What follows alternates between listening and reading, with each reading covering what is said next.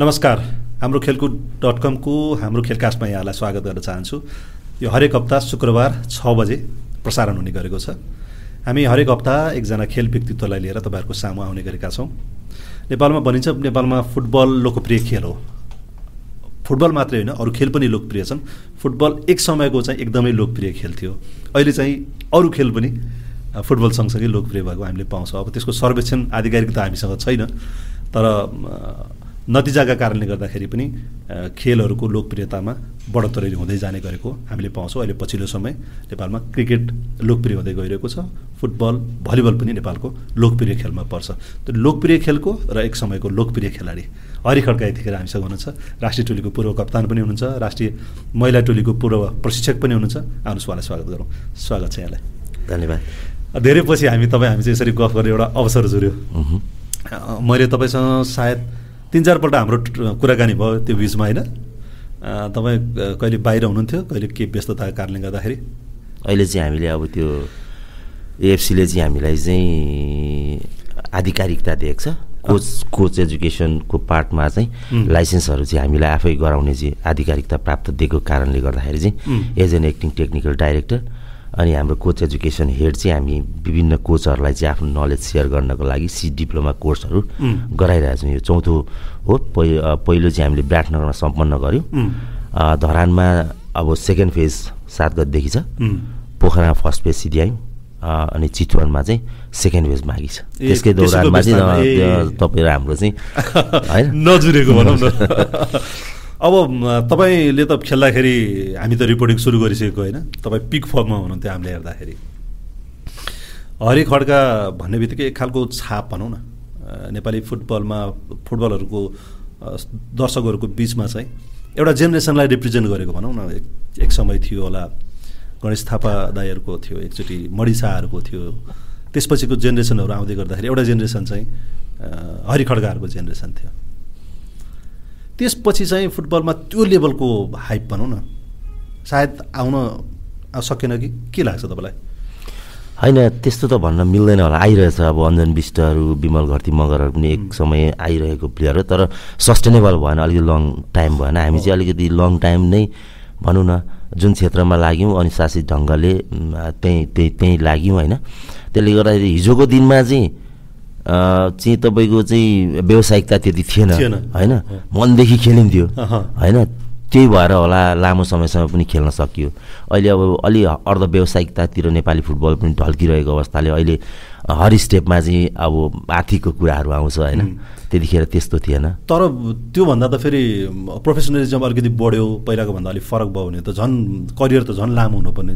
अहिलेको प्लेयरहरूको करियर चाहिँ त्यति लामो हुन सकेको छैन जति तपाईँहरूको समयमा अब यस्तो छोटो समयमा स्टार भइसकेपछि त्यो स्टारडमलाई कसरी मेन्टेन गर्ने भन्ने कुराहरू आउँछ होइन? मैले देखेको चाहिँ। किनभने अहिले हामी खेल्दाखेरि त्यति धेरै मिडियाहरू थिएन होइन? अब तपाईँहरूले जुन हामीलाई चाहिँ हाइपमा ल्याइदिनु भयो अहिले त धेरै मिडियाहरू छ होइन? एउटा दुईवटा म्याचले नै उहाँहरूको स्टार्डम एकदमै माथि हुन्छ। तर माथि पुग्न सजिलो छ तर त्यहीँ मेन्टेन गरिराख्न चाहिँ अलिक गाह्रो छ। तर तपाईँहरूले आफ्नो आफ्नो स्टार्डर बनाउनको लागि हरि खड्का भनेर चिनाउनको लागि त तपाईँले त वर्षौँ तपाईँहरूले मिहिनेत गर्नुभएको छ नि त होइन? पक्कै पनि यसको श्रेय नेपाल प्रहरीलाई पनि जान्छ होइन? यदि म नेपाल प्रहरीमा नभइदिएको भए हाम्रो रेगुलर ट्रेनिङ हुँदैन थियो होला होइन? त्यो मेन्टेनेन्स फेज हुँदैन थियो होला किनभने हाम्रो कामै त्यहाँनिर खेल्ने हुन्थ्यो। एटलिस्ट दुई घन्टा लाइफ स्टाइल भनौँ त्यहाँ अलिकति प्रहरी सङ्गठनमा लगाइसकेपछि अलिकति अनुशासित ढङ्गले पनि अब रेगुलर ट्रेनिङ भएको कारणले पनि लामो समयसम्म टिकियो जस्तो लाग्छ मलाई चाहिँ।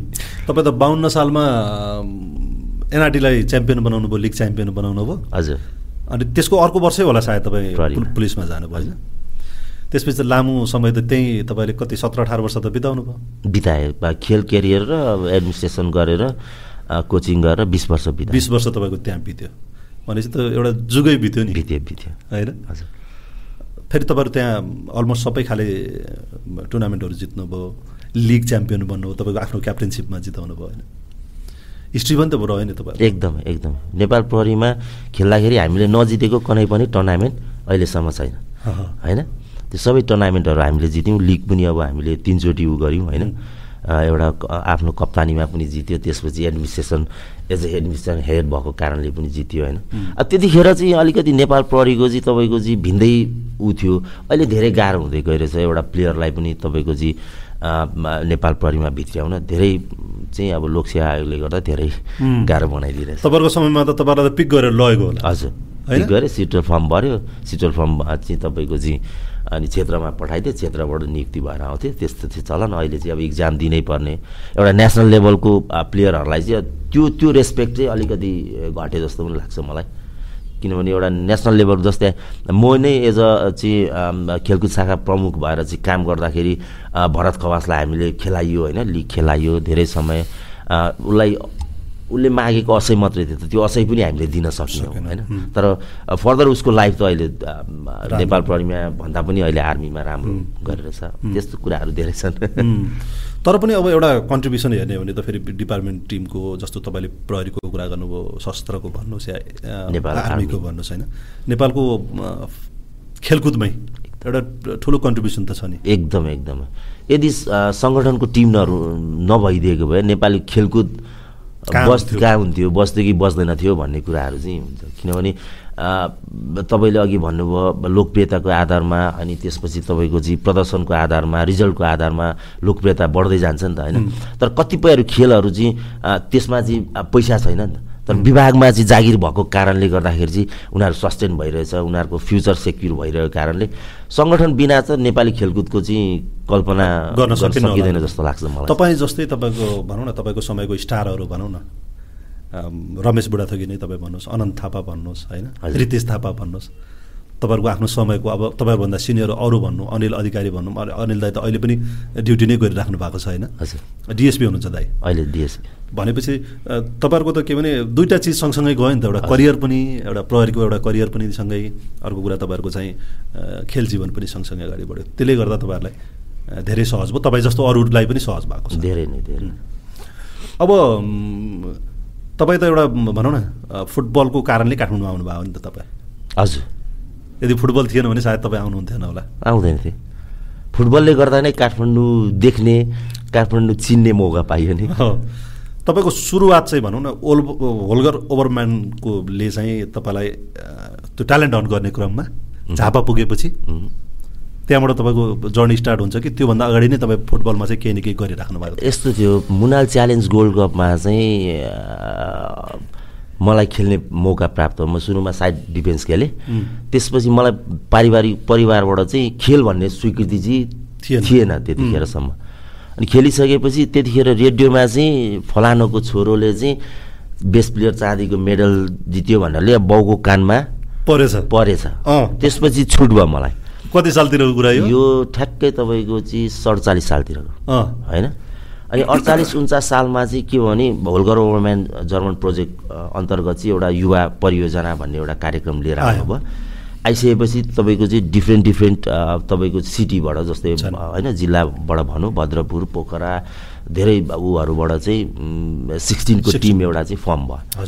अनि झापाबाट चाहिँ म पनि सेलेक्ट भएँ। त्यही क्रममा चाहिँ सान मिगेल युथ कपमा चाहिँ बेस्ट प्लेयरले चाहिँ जर्मनको पोटास फुटसल स्कुलमा चाहिँ तपाईँको चाहिँ दुई हप्ते चाहिँ एउटा चाहिँ ट्रेनिङ ट्रेनिङ गर्ने स्कलरसिपमा चाहिँ एउटा चाहिँ त्यो ऊ थियो। त्यसमा चाहिँ पहिला चाहिँ राजीव नेपाली जानुभएको थियो। त्यसपछि उपेन्द्र मानसिंह जानुभयो। अनि तेस्रो मौका चाहिँ मैले पाएँ। ए हरेक वर्ष एकजना लिएर एकजना लिएर मेरो पछाडि चाहिँ फेरि त्यो प्रोजेक्टै क्यान्सल भयो। ए तपाईँ तेस्रो हुनुभयो त्यसपछि बन्दै भयो। प्रोजेक्टै त्यो स्कुल लिएर जानु। त्यहाँदेखि चाहिँ मेरो अनि फुटबल चाहिँ करियर स्टार्ट भयो भनौँ न। भनेपछि त्यस त्यो घर आइसकेपछि त हेर हेर्ने नजर पनि त फरक भयो नि त। हरि खड्का चाहिँ ओहो हजुर। जर्मन पुगेर आयो भने त्यहाँ मैले चाहिँ तपाईँको चाहिँ बेस्ट प्लेयर पाएको थिएँ। ए जर्मनीमा। जर्मनमा चाहिँ त्यहाँ के हुन्थ्यो भने पहिला चाहिँ ट्रेनिङ हुन्थ्यो त्यसपछि त्यही ट्रेनिजहरूको बिचमा चाहिँ जस्तै हामी यहाँ सदन सदनको गेम भन्छ नि त्यही भित्र चाहिँ अनि गेम हुन्थ्यो। एउटा फ्रान्सको त्यो बार्थेज के नाम समथिङ बिर्से। उहाँ पनि एकदमै खतरा खेलाडी होइन। उहाँ र मेरो बिच चाहिँ टिम चाहिँ अब हामीले फाइनल उहाँहरूलाई हरायो। अनि मैले चाहिँ बेस्ट प्लेयर एट्टिन गियर्सको माउन्टेन बाइक पाएको थिएँ कि। अब त्यतिखेर त्यो भर्खर एसएलसी पनि दिएको होइन? एसएलसी पास गरिसकेपछि तपाईँको चाहिँ त्यो माउन्टेन बाइक हेर्न मेची क्याम्पसमा भिड लाग्थ्यो क्या। क्याम्प तपाईँले जर्मनदेखि नै त्यो साइकल लिएर आउनु अब ल्याउन त मेरो हैसियत थिएन किनभने म एउटा साधारण परिवारमा जन्मेको अब त्यो साइकल ल्याउनै कति पैसा लाग्थ्यो। तर सबै चिज चाहिँ होल गभर्मेन्टले गरिदिनु भयो। ए तपाईँसँगै साइकललाई पनि पठाइदिनु भयो। होइन म आइसकेपछि दुई महिना पछाडि कति पछाडि चाहिँ कार्गोबाट पठाइदिनु भयो साइकल। ए अनि लाउनु भयो मेची अनि क्याम्पस। एसएलसी ठ्याक्कै पास भएको थियो। मेची क्याम्पसमा चाहिँ त्यो साइकलमा जाँदाखेरि चाहिँ जर्मनबाट आएको साइकल भनेर अरूहरूले पनि चढ्नलाई माग्ने होला नि त। त्यो त डेफिनेटली आफ्नो साथीहरूले मागे आमसभा जस्तै हुन्थ्यो नि त तपाईँहरूको त्यो साइकल चलाउँदाखेरि। आमसभा चाहिँ होइन जे होस् त्यो छतबाट चाहिँ आमसभा जस्तै त्यो साइकलको हेर्ने भिड चाहिँ धेरै हुन्थ्यो। त्यो बेलामा साइकल पनि त कमै होला नि त त्यहाँ पनि। त्यो माउन्टेन बाइक त अब एट्टिन इयर्सको जर्मनी भन्ने थिएन। गणेश राज भण्डारी जसले चाहिँ मलाई फुटबलमा लगाउनु भयो उहाँसँग थियो अब हाम्रो माउन्टेन नै थियो। उहाँले नै मलाई लगाउनु भएको। अनि पछि अब त्यो एटिन गियर्स पाइसकेपछि त्यो उहाँको थोत्रो माउन्टेन बाइक पनि चढ चढ चलाउनु दिनुभएको थियो क्या। त्यसरी अब।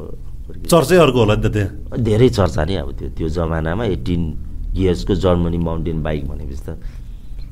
अनि तपाईँ त्यो रेगुलर चढ्नु भयो तपाईँले त्यो? रेगुलर चढ्यो पछि यता अब पुलिसमा आइसकेपछि चाहिँ तपाईँको अलिअलि अब त्यो त्यसको के के के पार्ट भाइले चढ्थ्यो। भाइले खतम गरेको थियो अब भनेपछि त्यसैले त तपाईँको चाहिँ क्याम्पसमा अर्कै खालको चहल पहल भयो होला नि त त्यो बाइक आएपछि। त्यसपछि बाइक भन्दा पनि फलानु चाहिँ भर्खर जर्मनी चाहिँ गएर स्कलरसिपमा चाहिँ फुटबल सिकेर आएको भन्ने कुराहरू हुन्थ्यो। अनि त्यसपछि अब त्यहाँनिर अब त्यस्तो चर्चाहरू भइरहेको थियो। त्योभन्दा अगाडि चाहिँ त्यस्तो खालको चर्चा थिएन। थिएन? त्यहाँनिर अब स्कुलमा थियो। स्कुलमा चाहिँ मभन्दा एकजना एकदमै रामु श्रेष्ठ भन्ने हुनुहुन्थ्यो.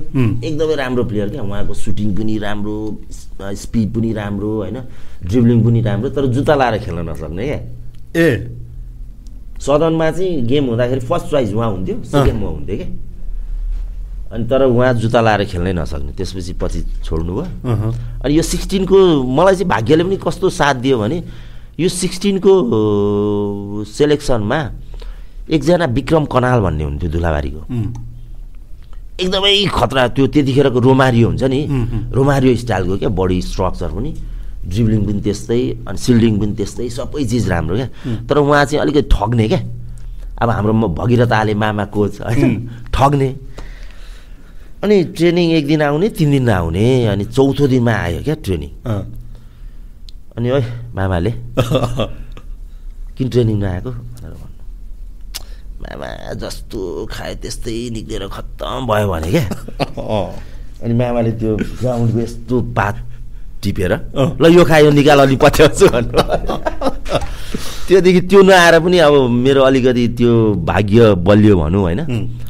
त्यसरी त्यसरी भाग्यले पनि साथ दिँदै गयो। अनि अब त्यहाँ अब त्यो सेलेक्सन कमिटीमा पछिल्लो समय गणेश थापा म पनि थिएँ भन्नुहुन्थ्यो होइन। उहाँले पनि सेलेक्ट गरेको भन्थ्यो। तर होलग्राउन्डमा नभइदिएको भए चाहिँ म यो ठाउँमा नपुग्न पनि सक्थेँ जस्तो लाग्छ मलाई चाहिँ। एउटा अर्को कारण त तपाईँहरूको झापामा फेरि पूर्वमै भनौँ न फुटबलको एउटा कल्चर पनि त थियो त्यति बेला। एकदमै। होइन? हो। तपाईँहरू बरु अहिले त्यो खालको कल्चर अलिक बिस्तारै कम हुँदै गएको जस्तो देख्छौँ। तपाईँहरूको समयमा त खेल्नुपर्छ भनेर एउटा फुटबलप्रतिको एउटा मोह तर त्यति बेलाको तपाईँहरूको सिनियर तपाईँहरूको चाहिँ कोचेसहरूले पनि त मिहिनेत धेरै गर्नुभएको देखिन्छ एकदमै एकदमै। अब त्यतिखेर अब कस्तो हुन्थ्यो भने एक त घरबाट स्वीकृति नहुने अर्को कुरो इक्विपमेन्ट्सहरू किन्ने त्यो क्षमता नहुने। अनि मलाई चाहिँ जहिले पनि म गणेश राज भण्डारीको नाम लिने पछाडि नै त्यही हो क्या। उहाँले चाहिँ केही न केही मसँग देख्यो। होला। अनि उहाँको फाटेको जुत्ता पनि लाएर सिलाएर खेल्ने उहाँले सबै चिज। अनि तपाईँको चाहिँ बाहिर अब त्यतिखेर उहाँ एकदम पपुलर प्लेयर। नेसनल टिममा एकचोटि कल परेर पनि के अनुशासन के सदस्य सचिव हाम्रो मेचीको सदस्य सचिव हुनुहुन्थ्यो अरे उहाँको मन पराइमा परेन। त्यसपछि काठमाडौँ आउँदै भएन त। तर सिलगढीतिर उता गएपछि होन्डा भनेपछि उहाँ फेमस। होइन? अनि अब उहाँ जाँदाखेरि होन्डा आइसकेपछि तपाईँको अगाडि उहाँलाई राख्ने अनि एडभर्टाइज गर्दै लिएर जाने अनि मान्छे उ गर्ने क्या दर्शकको लागि। अपिल गरेको मतलब। दर्शक आउनुहोस्। भन्नको अनि धुलाबारीबाट उहाँलाई बोलाउनु भएको थियो। मेरो चाहिँ फर्स्ट कमाइ चाहिँ अब त्यो धुलाबारीको रोलिङ क्लबबाट चाहिँ उहाँले लिएर जानुभयो मलाई। सेकेन्ड हाफ खेलाउनु भयो। म मेरै क्रसमा चाहिँ राजेन्द्र राजेन्द्र राजेन्द्र के दाइले चाहिँ गोल हानेर जितेको थियो अनि आउँदै गर्दाखेरि मेरो फर्स्ट इन्कम चाहिँ सात रुपियाँ दिनुभयो क्या आइसी ल तेरो भागमा यति पऱ्यो भनेर। बाँडेको रूपमा तपाईँलाई सात रुपियाँ बाँडेको पऱ्यो सात रुपियाँ आइसी मलाई पऱ्यो क्या। अब उहाँहरूले कति बाँड्नुभयो थाहा भएन। ल तेरो कमाइ ला भनेर दिनुभयो क्या. सात रुपियाँ आइसी पनि त्यतिखेर त ठुलो आफ्नो लागि होइन। त्यसपछि सिलगढीमा जाँदाखेरि सात हजारसम्म दिएको थियो मलाई। सात हजार त्यो रोलिङ क्लबबाट खेल्दा चाहिँ मेरो पहिलो इन्कम चाहिँ मैले बुवालाई लगेर दिएको थिएँ कि पाँच रुपियाँ ल दुई रुपियाँ चिया खान राख्नु पऱ्यो साथीभाइ त्यस्तो हुन्थ्यो जमाना। सातदेखि सात हजार हुँदै अब त्यो विभिन्न क्लबहरूमा खेल्यो। पछि त तपाईँले गर्नु नसक्ने खालकोसम्म पैसा आयो होला नि।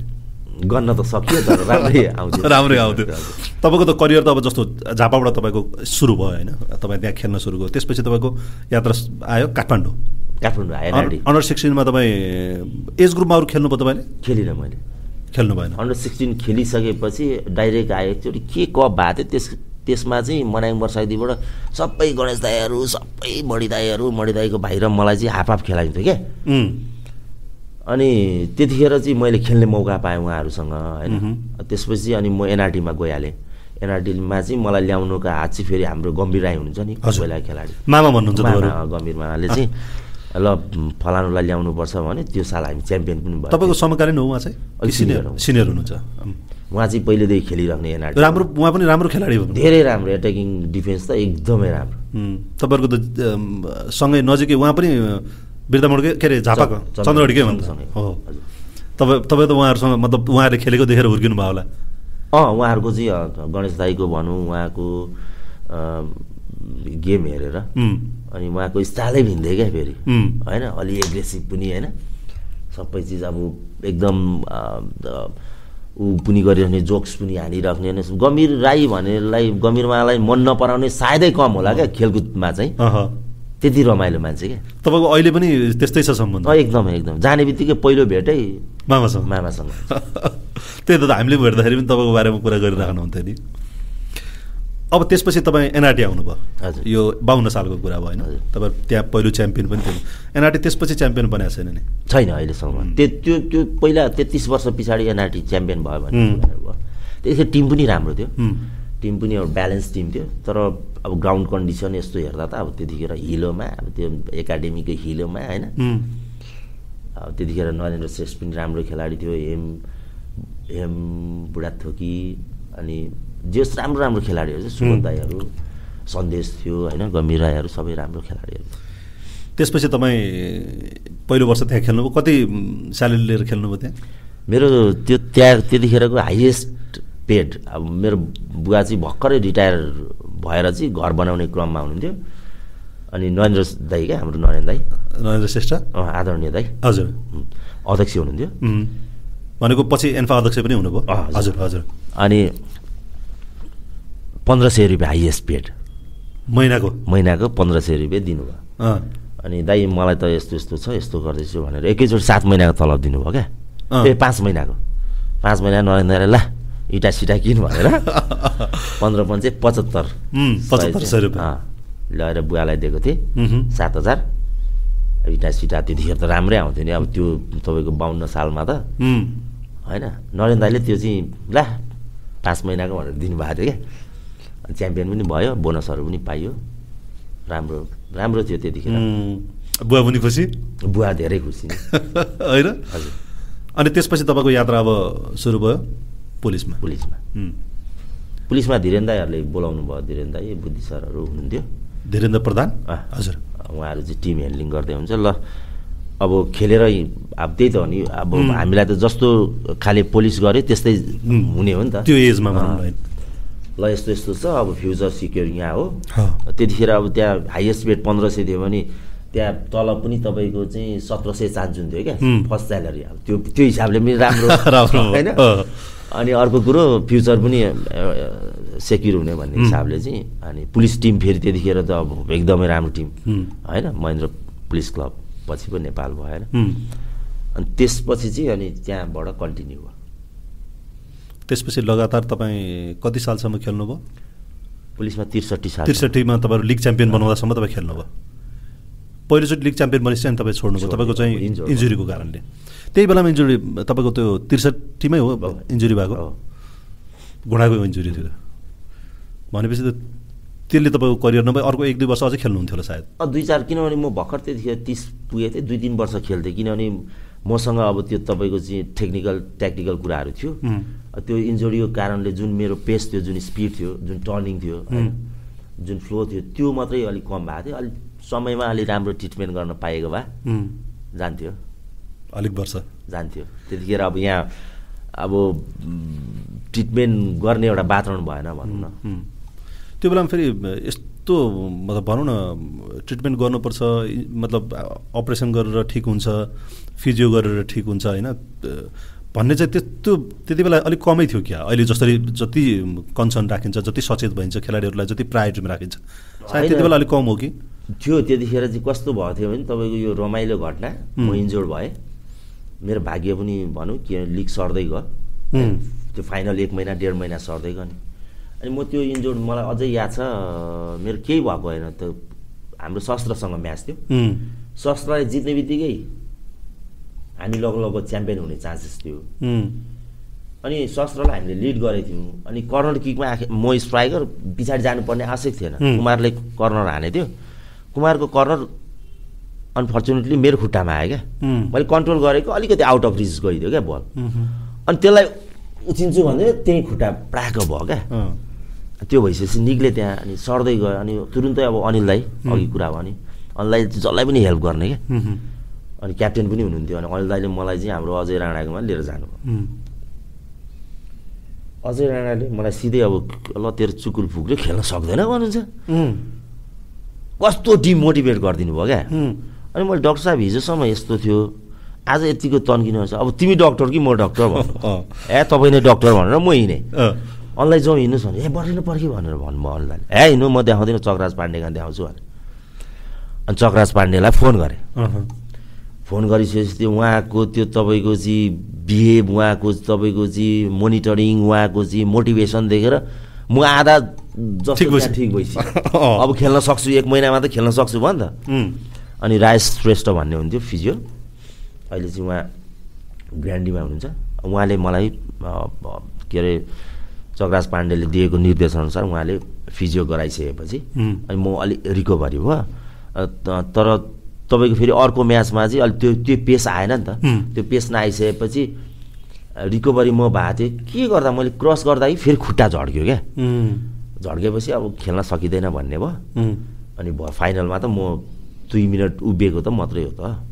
होइन फाइनल दुई मिनट उभिएर अनि सबैलाई हात उठाएर त्यसपछि आरबीसँगको म्याच सायद। हजुर। तपाईँहरू उहाँहरूले चाहिँ ड्र गर्दा पुग्ने? हामीले जित्नै पर्ने। जित्नुपर्ने। हामीले यहाँ शस्त्रसँग तपाईँको चाहिँ ड्र या चाहिँ हार्ने बित्तिकै हामी च्याम्पियन भइहाल्ने। होइन. हामीले जितेपछि अझै हाम्रो चान्सेस भयो। अनि त्यो म्याचमा चाहिँ रमेश बुढाथोकीले गोल गरेर हामी तपाईँहरू च्याम्पियन बन्नुभयो। रमेश बुढाथोकी भनेपछि त तपाईँको रमेश बुढाथोकीसँग त झन्डै एक दशकभन्दा लामो समय तपाईँहरूको पार्टनर। एकदमै पार्टनर स्ट्राइकिङ पार्टनरमा हामी दुईजना। चाहिँ एकदम जरखट्टी कहाँबाट गोल हान्छ थाहै हुँदैन थियो होइन? बलियो पनि? बलियो एकदमै बलियो। उहाँ उहाँको भनाइ चाहिँ के थियो भने हरिदाई चाहिँ टेक्निकल्ली साउन्ड म चाहिँ अलिकति भिडेरै खेल्ने म चाहिँ बलियो। हो एकदम। अनि दाईको र मेरो चाहिँ दाई भन्नुहुँदो रहेछ तपाईँलाई होइन? मन मिलेर पनि होला सायद। दाईले कहाँ बल खसालिदिन्छ मैले थाहा पाउँथेँ। मैले कहाँ बल खसाल्छ पनि दाइले थाहा पाउनुहुन्थ्यो। त्यो हाम्रो चाहिँ कम्बिनेसन एकदमै राम्रो आँखै चिम्लेर हाने पनि हुन्थ्यो भन्थ्यो उसले। अलिकति त्यो जाइन्ट वर्ल्ड बिल्ड खालको. कहाँबाट उसले सुटिङ हान्छ थाहै हुँदैन थियो उहाँको नजरमा चाहिँ फेरि के भने हरि खड्का भनेको त one of the best striker नेपालको। अहिले कहाँ त्यस्तो प्लेयरहरू देख्न पाइन्छ अरे भन्नु त? खै त्यस्तो त होइन होला। अब खै सबै त त्यसै भन्छ नि अब मलाई त त्यस्तो लाग्दैन। अब म अलिकति गड गिफ्टेड जस्तो पनि लाग्छ. अलिअलि होइन? त्यसले गर्दाखेरि मेरो त्यो तपाईँको चाहिँ सोलो रन भनौँ या चाहिँ पेनिट्रेसन भनौँ या चाहिँ ड्रिब्लिङ Dribbling, होइन। त्यो चाहिँ अँ, टच मी नट भन्ने खाले थियो भन्थ्यो होइन हुँ। भीम सरले पनि स्वर्गीय भीम सरले पनि त्यही भन्नुहुन्थ्यो अनि त्यो फ्लो भिन्दै थियो भन्नुहुन्थ्यो। स्टाइल चाहिँ खेल्ने स्टाइल यसको भिन्दै थियो भन्नुहुन्थ्यो कि मिस हुन्छ होला है तपाईँलाई त्यो- बेलाको भनौँ न भिडियोहरू कम देख्न पाउँदा एकदम छैन नि तपाईँहरूले खेल्दाखेरिको जस्तो अहिले जसरी पाइन्छ जति सहजै पाइन्छ। डेफिनेटली मिस हुन्छ। त्यो जहिले पनि त्यो नाइन्टिन नाइन्टी नाइनको त्यो अमन दाई कराएको त्यो हेरिरहेको अरू धेरै भिडियो भइदिएको भए त अहिले पनि। तपाईँको चाहिँ हेर्न पाइन्थ्यो। नयाँ पुस्तालाई पनि त इन्सपायर हुन्थ्यो होला त्यसले। अलिकति ढिला जन् जन्मिन पाए हुन्थ्यो जस्तो या अलिक प्रविधि चाहिँ अलिक चाँडो आइदियो हुन्थ्यो जस्तो लाग्छ प्रविधि चाँडो आइदिए हुन्थ्यो किन ढिला जन्मेको फेरि। प्रविधि अलिक चाँडो भइदिएको भए चाहिँ आज आज आफ्नै गेमहरू हेर्दाखेरि पनि त आनन्द फिल हुन्थ्यो होला नि त होइन? त्यो तपाईँहरू खेल्दाखेरिको एउटा राइबलिटी पनि त थियो नि त क्लबहरूमा पनि एक खालको टसल पनि देखिन्थ्यो नि होइन? एकदमै। विभागीय टिमहरूको होस् या तपाईँहरू आर्मीसँग मनाङसँग के अरे थ्री स्टारसँग। मनाङसँग खेल्दाखेरिको हामीले त्यो रिपोर्टिङ गर्न जाँदाखेरि पनि कहिलेकाहीँ त खुट्टा टेक्ने ठाउँ हुन्थेन। त्यो- दर्शक हेर्नु न अहिले त्यो चाम त धेरै घट्यो नि। तपाईँहरूलाई तपाईँहरूलाई चाहिँ एउटा एज अ प्लेयर त्यति बेलाको त्यो कस्तो फिल हुन्थ्यो? त्यो आज जस्तो मनाङसँग छ म्याच भन्ने भएपछि त्यो दिनको मेन्टालिटी कस्तो हुन्थ्यो तपाईँ यस्तो हुँदो रहेछ। मैले चाहिँ जहिले पनि डिफेन्स लाइनको विकनेसेसहरूलाई हेर हेर्थेँ क्या। जस्तै मनाङबाट खेल्दाखेरि अलमोस्ट मसँग चाहिँ डिफेन्सहरू चाहिँ तपाईँको टाङ नफाडी आउँथ्यो क्या। मेरो चाहिँ तपाईँको चाहिँ के भन्छ त्यो त्यसलाई के भन्छ त्यो भाषा आएन। म चाहिँ टाङ्गुनीबाट पाएँ भने त्यो तपाईँको चाहिँ डिबल अँ। गरिहाल्छ मेरो त्यो उनै त्यही थियो क्या। तपाईँको क्षमता भनौँ न। स्किल। त्यो थियो अनि त्यो त्यो स्पिडमा मलाई त्यो फ्लोमा हतपति भ्याउँथ्यो। त्यसले गर्दाखेरि मसँग जहिले पनि डबल मार्क हुन्थ्यो डिफेन्सहरू अनि कहिलेकाहीँ हाम्रो अहिले प्रशिक्षणको अध्यक्ष राजेन्द्र हाम्रो सिडीले भन्छ कि दाइसँग चाहिँ त्यसरी जानै हुँदैन थियो भन्छ अब नारायण नारायण मानन्द। यिनीहरू होइन? म चाहिँ जहिले पनि उनीहरूको विकनेस खोज्ने क्या। अब जस्तै सिडीको मैले सिडीको लेफ्टतिर लगेँ भने उसले मलाई ऊ हुँदैन भनेपछि म उसको लेफ्टतिर काटिदिन्थेँ क्या। अनि त्यो फ्लोमा अनि उनीहरू भ्याउँदैन थियो। उसको विकनेसेस थाहा भएपछि। त्यो त्यो त्यो कुराहरू चाहिँ हुन्थ्यो. अनि अर्को चाहिँ त्यो भित्रबाट इनर्जी आउँथ्यो क्या थ्री स्टारसँग खेल्दा मनाङसँग खेल्दा होइन?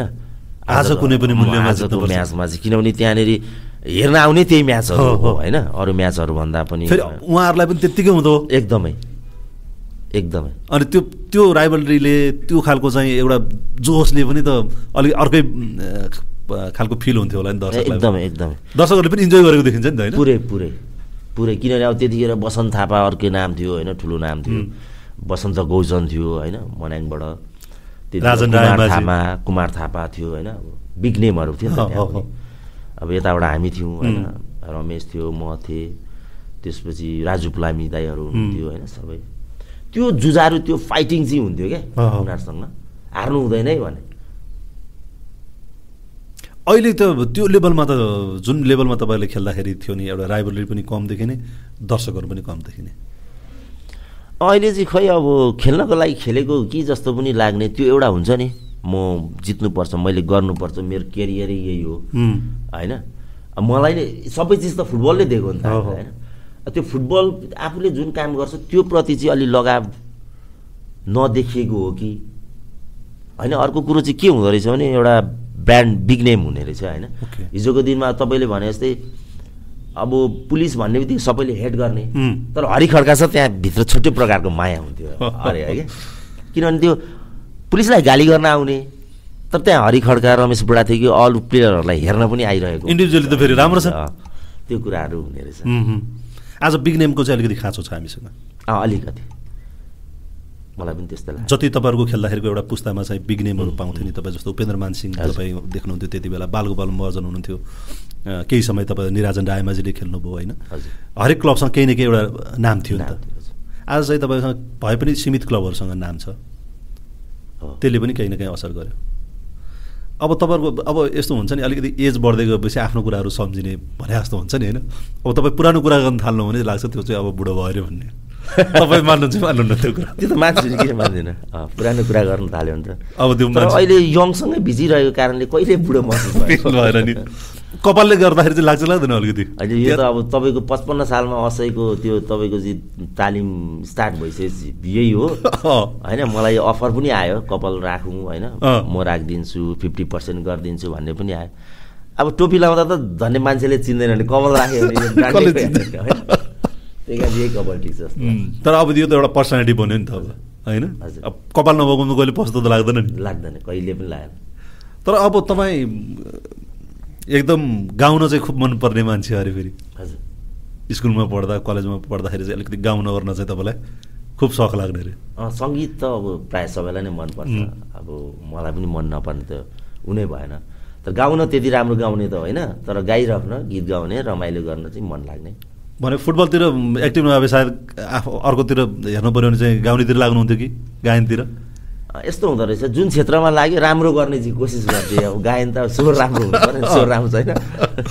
मन चाहिँ लाग्ने। मन त लाग्ने नि। तपाईँ तर दस क्लास पढ्दासम्म पनि त्यति हरि खड्काको बारेमा खास चर्चा चाहिँ चन्द्रगढीमा पनि खास चर्चा हुन्थेन। खेल्न त अलिअलि खेल्ने। चर्चा हुन्थ्यो नि तपाईँको चाहिँ हाम्रो समकालीन थियो। तपाईँको चाहिँ यही तपाईँले भने जस्तै अब गीत गाउन मनपर्ने। होइन? हाम्रो तपाईँको चाहिँ अब शुक्रबार शुक्रबार चाहिँ सांस्कृतिक कार्यक्रम हुने। एकजना मेरो बहिनीको साथी हुनुहुन्थ्यो दुर्गा के भने ऊ चाहिँ अलिक स्मार्ट बन्न खोज्ने क्या। पछिल्लो समय चाहिँ हाम्रो राम्रै फ्रेन्डसिप भयो। एकदम स्मार्ट बन्न खोज्ने अब केटाहरूलाई बाल नदिने होइन? अनि ऊ मात्रै जान्ने सुन्ने त्यस्तो खाले क्या। ल आज अब एउटा अब हामी पनि गीत गाइदिउँ। केटाहरूलाई तयार पारे। त्यो भर्खर त्यो दिल फिल्मको गीत आएको थियो। अनि ल तिमीहरूको काम चाहिँ यो पुरुषोत्तम अहिले जो एफसीमा हुनुहुन्छ साथी पुरुषोत्तम अँ, उहाँ थियो अब हाम्रो क्लास ब्याचमेटहरू सबै थियो चार पाँचजनालाई मैले तिमीहरू काम चाहिँ दमदमादम भन्ने मात्रै। तपाईँ मेन लिड सिङ्गर चाहिँ तपाईँ भयो सिङ्गर म भयो उनीहरू चाहिँ कोरस। अँ कोरस दिने। उनीहरूले गीतै सुनेर हिँड्छ। मैले चाहिँ दमदमादम अब राम्ररी मिलाएर भने अब यो अब हाम्रो पुरुषोत्तम कटेल त्यस्तै जोक गर्नुपर्ने रमाइलो गर्नुपर्ने। अनि मैले दिल में है तूफान भरा भनेर एकदम ल्याएर? गाएँ। दमदमादम। सबै गीतै बिगारिदियो। त्यहाँदेखि सिङ्गल मात्रै गाउनु थालेँ क्या। अँ। शुक्रबार शुक्रबार अनि सरले यो के खाले गीत गाएको? भन्छ सर अब मैले त राम्रै गाएको। बिगार्ने साला यिनीहरू हो भनेर। अनि त्यो अझै पनि हाम्रो साथी सर्कलमा चाहिँ यो गीतको चाहिँ चर्चा भइरहेको छ क्या। यस्तो भनेको थियो हरिले यस्तो गऱ्यौँ हामीले भनेर। अँ। अब पुरुषसँग भेट्दा हुँदाखेरि हाम्रो पुरुषोत्तमसँग भेट हुँदाखेरि अब हाम्रो नि साथी त पत्रकारिता पनि गऱ्यो। पछि फिफा मास्टर्स पढेर एएफसीमा जागिरे भयो। तपाईँको त कुरा तपाईँको र उसको त कुरा भइराख्ने नि त उसले त हामीलाई त हरि खड्काको बारेमा त दिइराख्ने। अब हाम्रो हरि खड्कासँग त्यति एक्सेस छैन। छैन। उसको त साथी। साथी। अनि भन्ने पनि के भने के कुरा गर्छ है? हरि खड्कासँगै एउटै थालमा भात खाएको मान्छे हो म। अँ हाम- मेरो पसल थियो। पसल थियो हाम्रो चाहिँ त्यहाँ सबै अब मेरो आमालाई मलाई भान्जा भन्नुको कारण चाहिँ दुई तिनवटा क्या आमाले पसल गरेर त्यहाँ खाना खाना आउने सबै सङ्गठनको मान्छेहरू पनि. अनि आमालाई दिदी भन्ने दिदी भनेपछि सबैले अनि भान्जा भान्जा भन्ने। भयो। त्यो एउटा कारण अर्को चाहिँ खेल क्षेत्रमा गम्भीर उहाँले पनि भान्जा भनिसकेपछि. सबैले भान्जा। भान्जा भन्न थाले। अनि टिफिनमा चाहिँ अब त्यहाँ अब त्यतिखेर त अब हामीले भनेको चाहिँ तपाईँको दसैँमा पनि त्यही स्कुलको ड्रेस त किने हो होइन? हालिदिने भनेकै त्यही हो नि। दसैँको के अरे स्कुलकै ड्रेस। हो। अनि मासु भात त्यति पनि खान नपाउने अब मेरो हाम्रोमा त जहिले पनि मासु भात पाएको होइन? अनि हाफ टेनमा चाहिँ अनि तपाईँको चाहिँ टिफिन टाइममा चाहिँ टक्क केटाहरू अब यो पुरुषोत्तमहरू टक्क। हिँड्थेरमा अब भन्ने। अनि एउटैमा खान्थ्यौँ क्या। अब त्यहाँनिर धेल पातलो झोल चोक्टा चोक्टा त्यसले खानिदिइहाल्ने। अनि खायो अनि त्यसरी हो सँगै उ गरेर। भनेपछि उसले गफ दियो होइन त्यो साँच्चै हो? होइन साँच्चै हो त्यो त। साँच्चै हो। भनेपछि अब उसले एउटा समय त म, हरि खड्का मेरो साथी भनेर अब अहिले हरि हरि खड्काले नि त मेरो एएफसीमा भएको पुरै मेरो साथी हो भन्दाखेरि त फेरि एकदमै गर्व नि कति कामहरू नि इजी हुन्छ नि त। कहाँ उहाँ भाउजूलाई गफ दिएछ? के भनेर? मलेसिया मलेसिया गएको होइन? अनि भाउजूले एकदम भाउजू एकदम माइडियर हुनुहुन्छ. क्या। अनि मलाई एकदम माया गर्ने। अनि खाना खाँदै थियो बाबु एउटा कुरा सोध्न मन लाग्यो भन्नु। अँ, सोध्नु न भाउजू भने होइन यहाँ चाहिँ तपाईँको साथीले चाहिँ म नम्बर वान खेलाडी त्यो त नम्बर टूमा पर्थ्यो पनि भनेर भन्नुहुन्छ। के हो बाबु यो? भन्नु। अब के भन्ने अब होइन? अँ, बाबु भाउजू यसलाई चुन्दाखेरि चाहिँ नम्बर वानमै चुन्थ्यो। मलाई नम्बर टूमा त्यो पढ्नतिर लाग्यो अनि यसले खेलतिर त्यति खेलेन। पहिला चाहिँ चुन्थ्यो भनेको। भाउजू जक्कै त्यस्तो गफ दिइरहेको साँच्ची अनि पत्ता भाउजूले भाउजूलाई त जे भन्यो भने पत्याउने। अँ, जे भन्यो भने पत्याउने। अब फेरि ऊ त गफ दिन जान्ने फेरि। एकदमै। मिलाइ मिलाइदिने। देख्यौ देख्यौ। मैले तिमीलाई भनेको होइन। भने होइन। तिमी पत्याउँदैनौ। अँ, देख अब सुन्यौ होइन त्यसपछि अनि त्यो कुरा निक्लेन। अनि तपाईँ एकसट्ठी सालतिर जस्तो लाग्छ मलाई। तपाईँ पुलिसबाटै खेल्दै नै हुनुहुन्थ्यो होइन? तपाईँको झापामा त्रिभुवन च्यालेन्जको भयो धेरै वर्षपछि। याद छ तपाईँलाई? त्रिभुवन हामी पनि गएको थियौँ। हामी चार पाँचजना साथी। अनि पूर्वको पनि घर त्यहीँ भनेपछि अब जाने कुरा भयो। अनि गएपछि त्यहाँ ज्योति मामाकोमा। ज्योतिमा ज्योति मामा होइन त? सेकुवा खाने कुरा भयो। त्यहाँ त सेकुवाको लागि फेमस ठाउँ रहेछ नि त। अब हामीलाई त म त पहिलोचोटि गएको थिएँ। त्यहाँ बसियो खाइयो अऱ्यो खाइसकेपछि त लास्टमा पैसा तिर्ने कुरा भयो तपाईँलाई कतिको सम्झना छ त्यो? छ छ छ। ल भन्नु त के हो त्यो के? यस्तो भयो। अब तपाईँहरू हाम्रो लागि पाहुना। अब हरिखाडका गाउँमा पुरुषोत्तम कटेलको गाउँमा जानुभएको छ त्यहाँ त्यत्रो टुर्नामेन्ट भइरहेछ. होइन त्यतिखेर सङ्कट सङ्कटकाल जस्तै थियो। मतलब? सङ्कटकालै त थिएन। मतलब त्यो ब्यारिकेटिङहरू लाउने ओर्ने तपाईँको चाहिँ एकदम। सेक्युरिटी त्यो थियो। सङ्कटकालै थियो कि सायद अनि हामी तपाईँको सेकुवा सेकुवा अलिअलि इन्जोय गऱ्यौँ रमाइलो। गऱ्यौँ होइन? त्यहाँ पैसा तिर्ने बेला आएको थियो। पैसा तिर्ने बेलामा अब मैले दिन आँटेको थिएँ अनि त्यसले छोड्दै छोड्दै म दिन्छु। ए जति मामा। ए ज्योति मामा। अँ। त्यो यसो पैसा फिर्ता दिनुहोस् अँ यसको पैसा फिर्ता लिनुहोस् म दिन्छु। म दिन्छु। अँ मेरो मेरो साथीहरू आएछ के समथिङ के भने त्यसले। अनि ज्योतिमाले भइहाल्यो नि भन्दै हुन्थ्यो के भन्थ्यो यहाँ ल्याउनु न भनेर मैले पैसा लिएँ ज्योतिमा ल तिर त भने नरिसाउ न नरिसाउ न हरि भाइ योचोटि तिमी देऊ। दिउँला भनेर रिसाइहाल्छ यो मान्छे भनेर के के फकाउनु थाल्यो। अनि त्यो कुरो निक्लिरहेको छ। अब अहिले त ऊ त हामीभन्दा तपाईँको आर्थिक रूपमा त धेरै। इन्कम गर्ने। मान्छे नि त। अनि अहिले चाहिँ अब अहिले त म जिस्किन्न है साँच्चै तिर्छु। भन्छ? तिर्छ पनि अहिले जहाँ पनि जाँदाखेरि धेरै खर्च त्यसकै हुन्छ. अहिले पनि तपाईँहरूको त भेटघाट त भइरहेको छ नि त। ऊ आउँदाखेरि दसैँ तिहार हुँदाखेरि झापा जाँदाखेरि। हाम्रो एउटा ग्रुप छ. हाम्रो चाहिँ एउटा कोर ग्रुप भनौँ न। अनि त्यसको वाणिज्यको सबभन्दा राम्रो के भने अब हाम्रो साथी सर्कलमा अब म पो नामले ऊ भए आर्थिक रूपमा त अब त्यो एएफसीमा छ कोही ब्याङ्कर्स छ कोही चाहिँ तपाईँको होन्डा कम्पनीमा छ होइन? त्यसपछि कोही सचिव छ कोही उपसचिव छन् होइन. अनि एकजना चाहिँ हाम्रो चाहिँ एकदम मिल्ने साथी थियो स्कुलको चाहिँ तपाईँको चाहिँ ऊ पनि चलाउने क्या सिटी स सफारी पनि अँ। चलाउने मलाई अझै याद छ अनि त्यसको सबभन्दा राम्रो बानी चाहिँ दसैँमा त्यो आयो भने सप्तमी या कुनै दिन चाहिँ एक दिन चाहिँ. हामी बस्छौँ क्या हाम्रो त्यो ग्रु ग्रुपहरू ग्रुप, स्कुलको. अनि त्यसलाई बोलाउँदाखेरि त्यसले अर्गनाइज गर्छ क्या. पुरीले नै अनि त्यो सिटी सफारीको साथीलाई बोलाउँदाखेरि त्यो भावुक भयो क्या जे होस् मैले अहिले पनि साथी मेरो रहेछ जुन ठाउँमा साथी पुगे पनि तिमीहरूले चाहिँ यार मलाई सम्झेको। रहेछस् भनेर रोयो क्या त्यो ए होइन त्यो भावनात्मक सम्बन्ध चाहिँ. तिमीहरूले गाँसे भन्छ यसको श्रेय चाहिँ पुरुलाई जान्छ भनेर भने क्या मैले. होइन किनभने अब उसले चाहिँ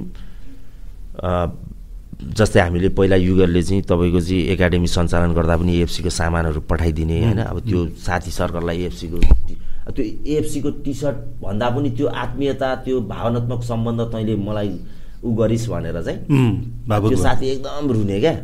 रुयो क्या त्यसको सबभन्दा राम्रो पक्ष त्यो लाग्छ अनि हामी आउँदा चाहिँ अहिले एउटा कोर ग्रुप छ. जस्तै हामी पोखरा घुम्न गयौँ भने चितवन घुम्न गयौँ भने चाहिँ. जहिले पनि त्यसले गर्ने हो. प्रायः फेरि उसलाई कमेडी गर्न पनि टाइमिङ पनि खतरा छ नि कमेडी टाइमिङ उसको टाइमिङ त होइन? अब तपाईँसँग हुँदाखेरि मलाई उडाउन सक्ने मसँग हुँदा तपाईँलाई उडाउन सक्ने। एउटा क्षमता पनि छ नि त उसको? त्यो त्यो छुट्टै प्रकारको क्षमता त्यो फ्रेक्सन अफ सेकेन्डमा के गर्छ गर्छ थाहै हुँदैन अनि माइन्ड पनि धेरै नगर्ने नि साथीहरूले उसको उसले जोग गरेकोमा कसैले माइन्ड त गर्दैन। तपाईँ पनि। इजी लिनुहुन्छ म पनि इजी लिन्छु अब अस्ति मलेसियामा तपाईँको चाहिँ कोच एजुकेसन कन्फरेन्समा गइयो अनि सिद्धिएपछि अनि त्यसको पनि म छुट्टी लिन्छु चार दिन तिमीहरू एक्स्ट्रा बस्यो भने. एक्स्ट्रा बस्यौँ अनि अब त्यो नेपाली समुदायमा चाहिँ जे होस् यहाँ भए पनि छुट्टै नाम त छ नि हाम्रो पनि। अनि त्यो एउटा प्रोग्राममा बोलायो। प्रोग्राममा बोलाइसकेपछि जानु पऱ्यो गइसकेपछि अब त्यहाँ हामीलाई एकदम बोर भइरहेछ होइन? त्यहाँ स्पिच आइरहेछ होइन? हामी यता पछाडि भएछौँ अब ताइन तुईको स्पिच आएछ उसले ताली बजा! भने ताली बजाउनु लगाएर सबैको ध्यान ध्यान आकर्षण हामीतिर हो। मैले नजिस्किन उहाँ सबै हेरिरहेछ हामीलाई भन्छ नि छोड्दैन एकछिन ताली बजाउने जाने भने एकदिन ताली बजाएर त्यो प्रेजेन्स अफ माइन्ड खतरा क्या त्यसको। त्यो भनेको पढ्दादेखि नै हो त्यो स्कुल पढ्दा सुरुदेखि अहिलेसम्मको मेमोरी सबै त्यसलाई थाहा छ। हामीलाई त कहाँ बिर्सिसक्यो नि? हरि भाइ तैँले हेर्न दाजुभाइ मिलेर त्यसलाई कुटेको होइन? तैँले गोदा खाइरहेको बेला तेरो भाइले टोकेको त्यो शुद्ध सबै मेमोरी त्यो फेसबुकतिर पनि उसले कमेन्ट गर्नु पऱ्यो भने नि पुरानो पुरानो कुरा जोडेर हुन्छ नि। हजुर। त्यो मतलब याद गराउने क्या? याद गराइदिने। त्यो त्यो छ एकदम बिल्कुल एकदमै भिन्नै खालको छ। त्यो अलग अलग क्षमता हुन्छ नि मान्छेसँग भनेर। त तपाईँको त्यो प्रगतिमा पनि सधैँ प्राइड गर्ने मान्छे त हो नि त ऊ पनि। एकदमै एकदमै। होइन? हो नि। तपाईँलाई मतलब अप्ठ्यारो सप्ठ्यारो सहज जे हुँदाखेरि पनि एउटा नजिकको साथी तपाईँलाई सल्लाह दिने मेन्टर भनौँ. सबै चिज हो गरेको। होइन? अब तपाईँको एउटा पाटो त त्यो भयो होइन? जीवनको एउटा एउटा राम्रो पाटो त त्यो छँदैछ अर्को अब पुलिसमा आइसकेपछि तपाईँ नेसनल टिममा डेब्यु गर्नुभयो। नेसनल टिमको एउटा आफ्नो तपाईँको करियर छ होइन? नेसनल टिममा तपाईँहरू अब फाइनल पुग्नुभयो थर्ड प्लेसमा थर्ड हुनुभएको छ तर च्याम्पियन चाहिँ आफ्नो टाइममा तपाईँ बन्न सक्नु होइन? खड्किने कुरा हो मैले त्यही सोध्नु खोजेको तपाईँ खड्की एकदम खड्किन्छ। किनभने नाइन्टी नाइनको साफमा त तपाईँको चाहिँ अब जब इन्डिया हार्यो। बङ्गलादेशसँग त्यसपछि त तपाईँको उपाधि हाम्रो भन्ने थियो नि त। आठौँ साउथ एसियन गेममा। हजुर। होइन त। हजुर। उपाधि हाम्रो भन्ने थियो। अब हाफ ग्राउन्ड पनि खेलाएको। अनि तपाईँको चाहिँ अब मैले हानेको बल बारमा लाएर म मलाई जहिले पनि खड्किने कुरो भने मैले अहिले मेरो कोचिङ क्यारियरमा पनि मैले जहिले पनि फलो थ्रु भन्ने होइन? रिबाउन्डमा जहिले पनि जा भन्ने कारणले त्यसले जहिले पनि त्यो हिन्ट गर्छ क्या मलाई। यदि म त्यो बल मैले अब तपाईँको सिक्स यार्ड बल बक्सबाट चाहिँ मैले हानेको बल म चाहिँ त्यहाँ बााउन्ड भएर लाइन क्रस गऱ्यो भनेर। भयो। सेलिब्रेसनतिर लाग्यो. होइन यदि म प्रपर क्लियर नभइकन म फलो थ्रुमा गइदिएको त्यो गोल हुन्थ्यो त्यसपछि हामी इजिली बङ्गलादेशलाई बिट गरिहाल्थ्यौँ होइन. त्यो जहिले खड्किने कुरो त्यही हो क्या त्यत्रो दर्शकहरू होइन। किनभने त्यतिखेर हामी सेकेन्ड भयो नि त मेडलमा. तर फुटबलले मेडल नल्याउँदाखेरि सबै हारेको जस्तो भान भएको थियो नि एक प्रकारको. त्यो जहिले पनि खड्किन्छ किनभने आफू खेल्दा क्यारियर होस् आफ्नो कप्तानको क्यारियरमा चाहिँ त्यो चाहिँ जि- देशलाई जित दिलाउन नसक्दा. चाहिँ खड्किने कुरो जहिले पनि। अब त्यो भनेको चाहिँ एउटा आफ्नो भनौँ न आफ्नो हातमा आइसकेको चिज पनि गुमाउनु पऱ्यो फेरि एउटा हिस्ट्री तपाईँको आफ्नो करियरको एउटा चाहिँ। टाइटल पनि हुन्थ्यो सिल्भर मेडलिस्ट हुनुभयो। ब्रोन्ज मेडलिस्ट हुनुभयो तर गोल्ड मेडलिस्ट हुनु भयो। कसरी तपाईँ आफ्नो त्यो इन्टरनेसनल करियरलाई चाहिँ या नेसनलै करियर भन्नुहोस् आफ्नो क्लबको करियरलाई भन्नुहोस् कसरी तपाईँ मेमोरी गर्नुहुन्छ पुरानो कुराहरूलाई कसरी याद गर्नुहुन्छ? यस्तो भयो। नाइन्टी फोरमा हिरोसीमाको लागि चाहिँ सन्देश र मलाई कल आएको थियो. होइन? अनि त्यसपछि हामी सिलगढी लिग खेल्दै थियौँ उम्, अनि हामीलाई अब त्यतिखेर त मोबाइल सोबाइल केही थिएन। हामीलाई चाहिँ तपाईँको चाहिँ इन्फर्म अलिकति ढिलो भयो। चार दिन पछाडि भयो। भएपछि सन्देश र म नाइट बस पक्रेर आयौँ काठमाडौँ आयौँ त्रिवेश्वर आयौँ। भेट्यौँ कोचलाई भेटिसकेपछि ल लगभग पाँच छ दिन भइसकेछ ट्रेनिङ स्टार्ट.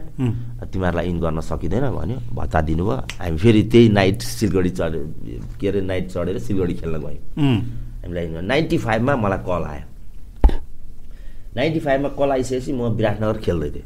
मलाई अझै याद छ शिवभक्त जोशी हाम्रो गुरुले। हो। म कलकत्तासँग म्याच खेल्दै थिएँ मैले त्यहाँ मेरो गेम हेरेर शिवभक्तिले अब तुरुन्तै आज नाइट बस पक्रेर चाहिँ त्यहाँ गइहाल क्याम्पमा भन्नुभयो क्या। अनि त्यहाँ डिसिप्लिनमा बस्ने यो यस्तै गेम देखाउने। भनेर भन्नुभयो। भनेपछि मैले खत्रै खेलेको जस्तो लाग्यो?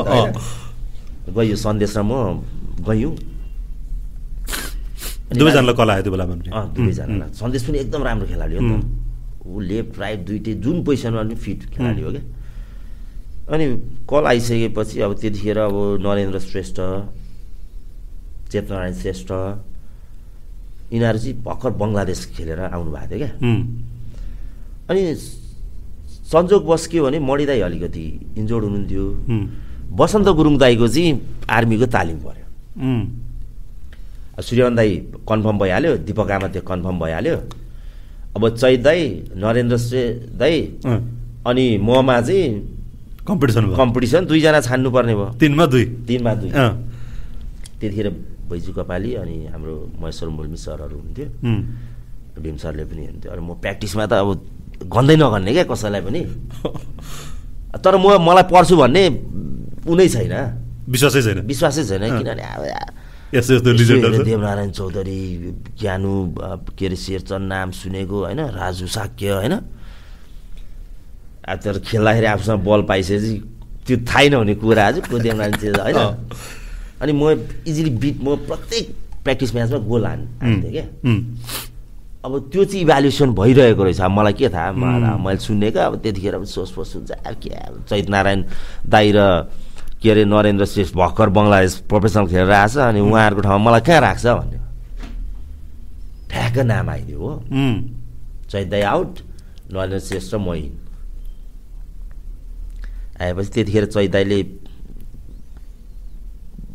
दुखेसो पनि पोख्यो अरे म नपर्ने हरिखड्का पर्ने भन्ने। सुन्नमा आएपछि हामीलाई त के थाहा अब अफिस सफिस जाने होइन। अनि नाइन्टिन नाइन्टी फाइभको साग बिस्टोल गोल्ड कप श्रीलङ्का गइयो फर्स्ट म्याच। हाम्रो चाहिँ बङ्गलादेशसँग छ बङ्गलादेशमा डाङ दुई गोल खायो म चाहिँ बेन्चमै छु. खेलाएको थिएँ नरेन्द्र श्रेष्ठ। बङ्गलादेशको त्यतिखेर चाहिँ मुन्ना भन्ने चाहिँ त्यहाँको हाइएस्ट पेड डिफेन्स त्यतिखेर नै उसले तपाईँको चाहिँ पैँतालिस लाख कि कति खान्थ्यो अरे क्या टाका? नाइन्टी फाइभमा त्यसपछि बङ्गलादेश फुटबल डाउन हुँदै गयो नि पछिल्लो समय। अनि हाइएस्ट पेड भने नरेन्द्र श्रेष्ठ के भन्छ नरेन्द्र दाई? ए यसलाई त म यस्तो हान्छु यता ढल्छ त्यो सुइया लिएर गोल हान्छु भन्ने क्या। उहाँको पनि एकदम हो नि त फेरि दिइराख्नु पर्ने हो नि त उहाँ पनि। त्यसो भने अब नरेन्द्र दाईले अब एउटा काट्न सकेन। राम्रै खेलिराख्नु भएको थियो। त्यो मुन्नालाई कहाँ अब डङ डङ दुई गोल खायो। अर्को म्याच पाकिस्तानसँग। पाकिस्तानलाई दुई गोलले जित्नै पर्ने। अनि त्यही पनि त लागिरहेको थियो। अब खेलाउँछ कि खेलाउँदैन खेलाउँछ कि खेलाउँदैन भन्ने थियो नि त। अब ठ्याक्क प्लेइङमा नाम आयो।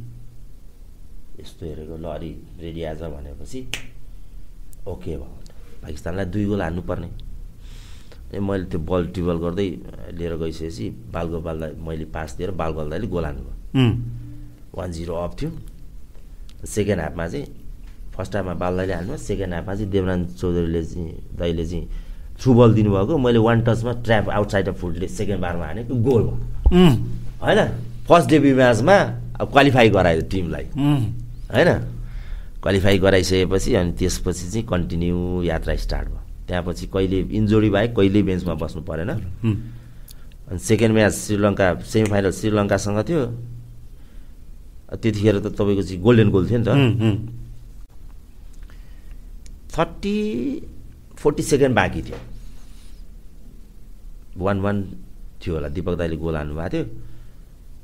अनि उताबाट अमानुल्लाले हानेको थियो थर्टी सेकेन्ड उपेन दाईले चाहिँ बल माथि हानिदिएको भए पनि थर्टी सेकेन्ड जाने ट्राइबेरमा जान्थ्यो। अब त्यतिखेर अमानुल्ला र रोशन पेरेरा भनेपछि साउथ एसियाको त। टप स्टारहरू होइन? झन् उनीहरूको होम ग्राउन्डमा म्याच। ज्ञानु दाईलाई पास दिनुभयो उपेन दाईले। अब ज्ञानु दाईले पनि क्लियर गरिदिएको भए हुने। ज्ञानु दाईले छकाउन खोज्यो अमानुल्लाले खोज्थ्यो रोशनलाई दियो।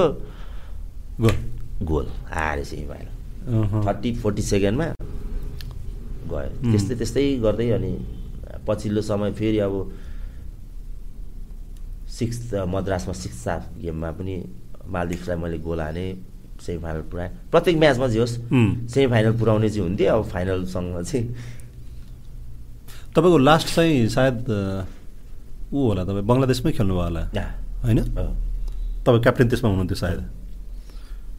त्यो कुन थियो त्यो टु थाउजन्ड सिक्सको फोर कि सिक्स सिक्स होला जस्तो किनभने. फाइभ त तपाईँ पाकिस्तान नै हामी गर्थ्यौँ नि तपाईँ? फाइभ गयौँ सिक्समा सिक्समा चाहिँ एउटा फर्स्ट इभेन्ट एउटा टुर्नामेन्ट एउटा भएको थियो नि पछि त्यो त्यसको नाम चाहिँ अर्कै भयो? FC FC FC challenge cup हो। च्यालेन्ज कप हो हो टु थाउजन्ड सिक्स पहिलो एडिसन भएको थियो हो, त्यहाँ पहिलो edition। त्यहाँ अनि फेरि हाम्रो नेपालमा चाहिँ यस्तो थियो नि त। क्याप्टेन एउटा हुने तर त्यो क्याप्टेनले खेल्न नपाउने। पाउने। बेन्चमा बस्ने। होइन? अनि अर्को क्याप्टेन भएर चाहिँ फिल्डमा खेल्ने। त्यस्तो थियो। दुइटा- केस तपाईँलाई याद छ कि छैन? छ छ। उपेन दाई रिटायरमेन्ट लिइसक्नु भएको थियो। बोलाएर क्याप्टेन दियो। क्याप्टेन दियो। तर उहाँले कुनै म्याच खेल्न पाउनु भने पाकिस्तान गएर। मैले तपाईँको हकमा पनि त्यही भयो। हो। टु थाउजन्ड सिक्समा तपाईँ क्याप्टेन भएर जानु।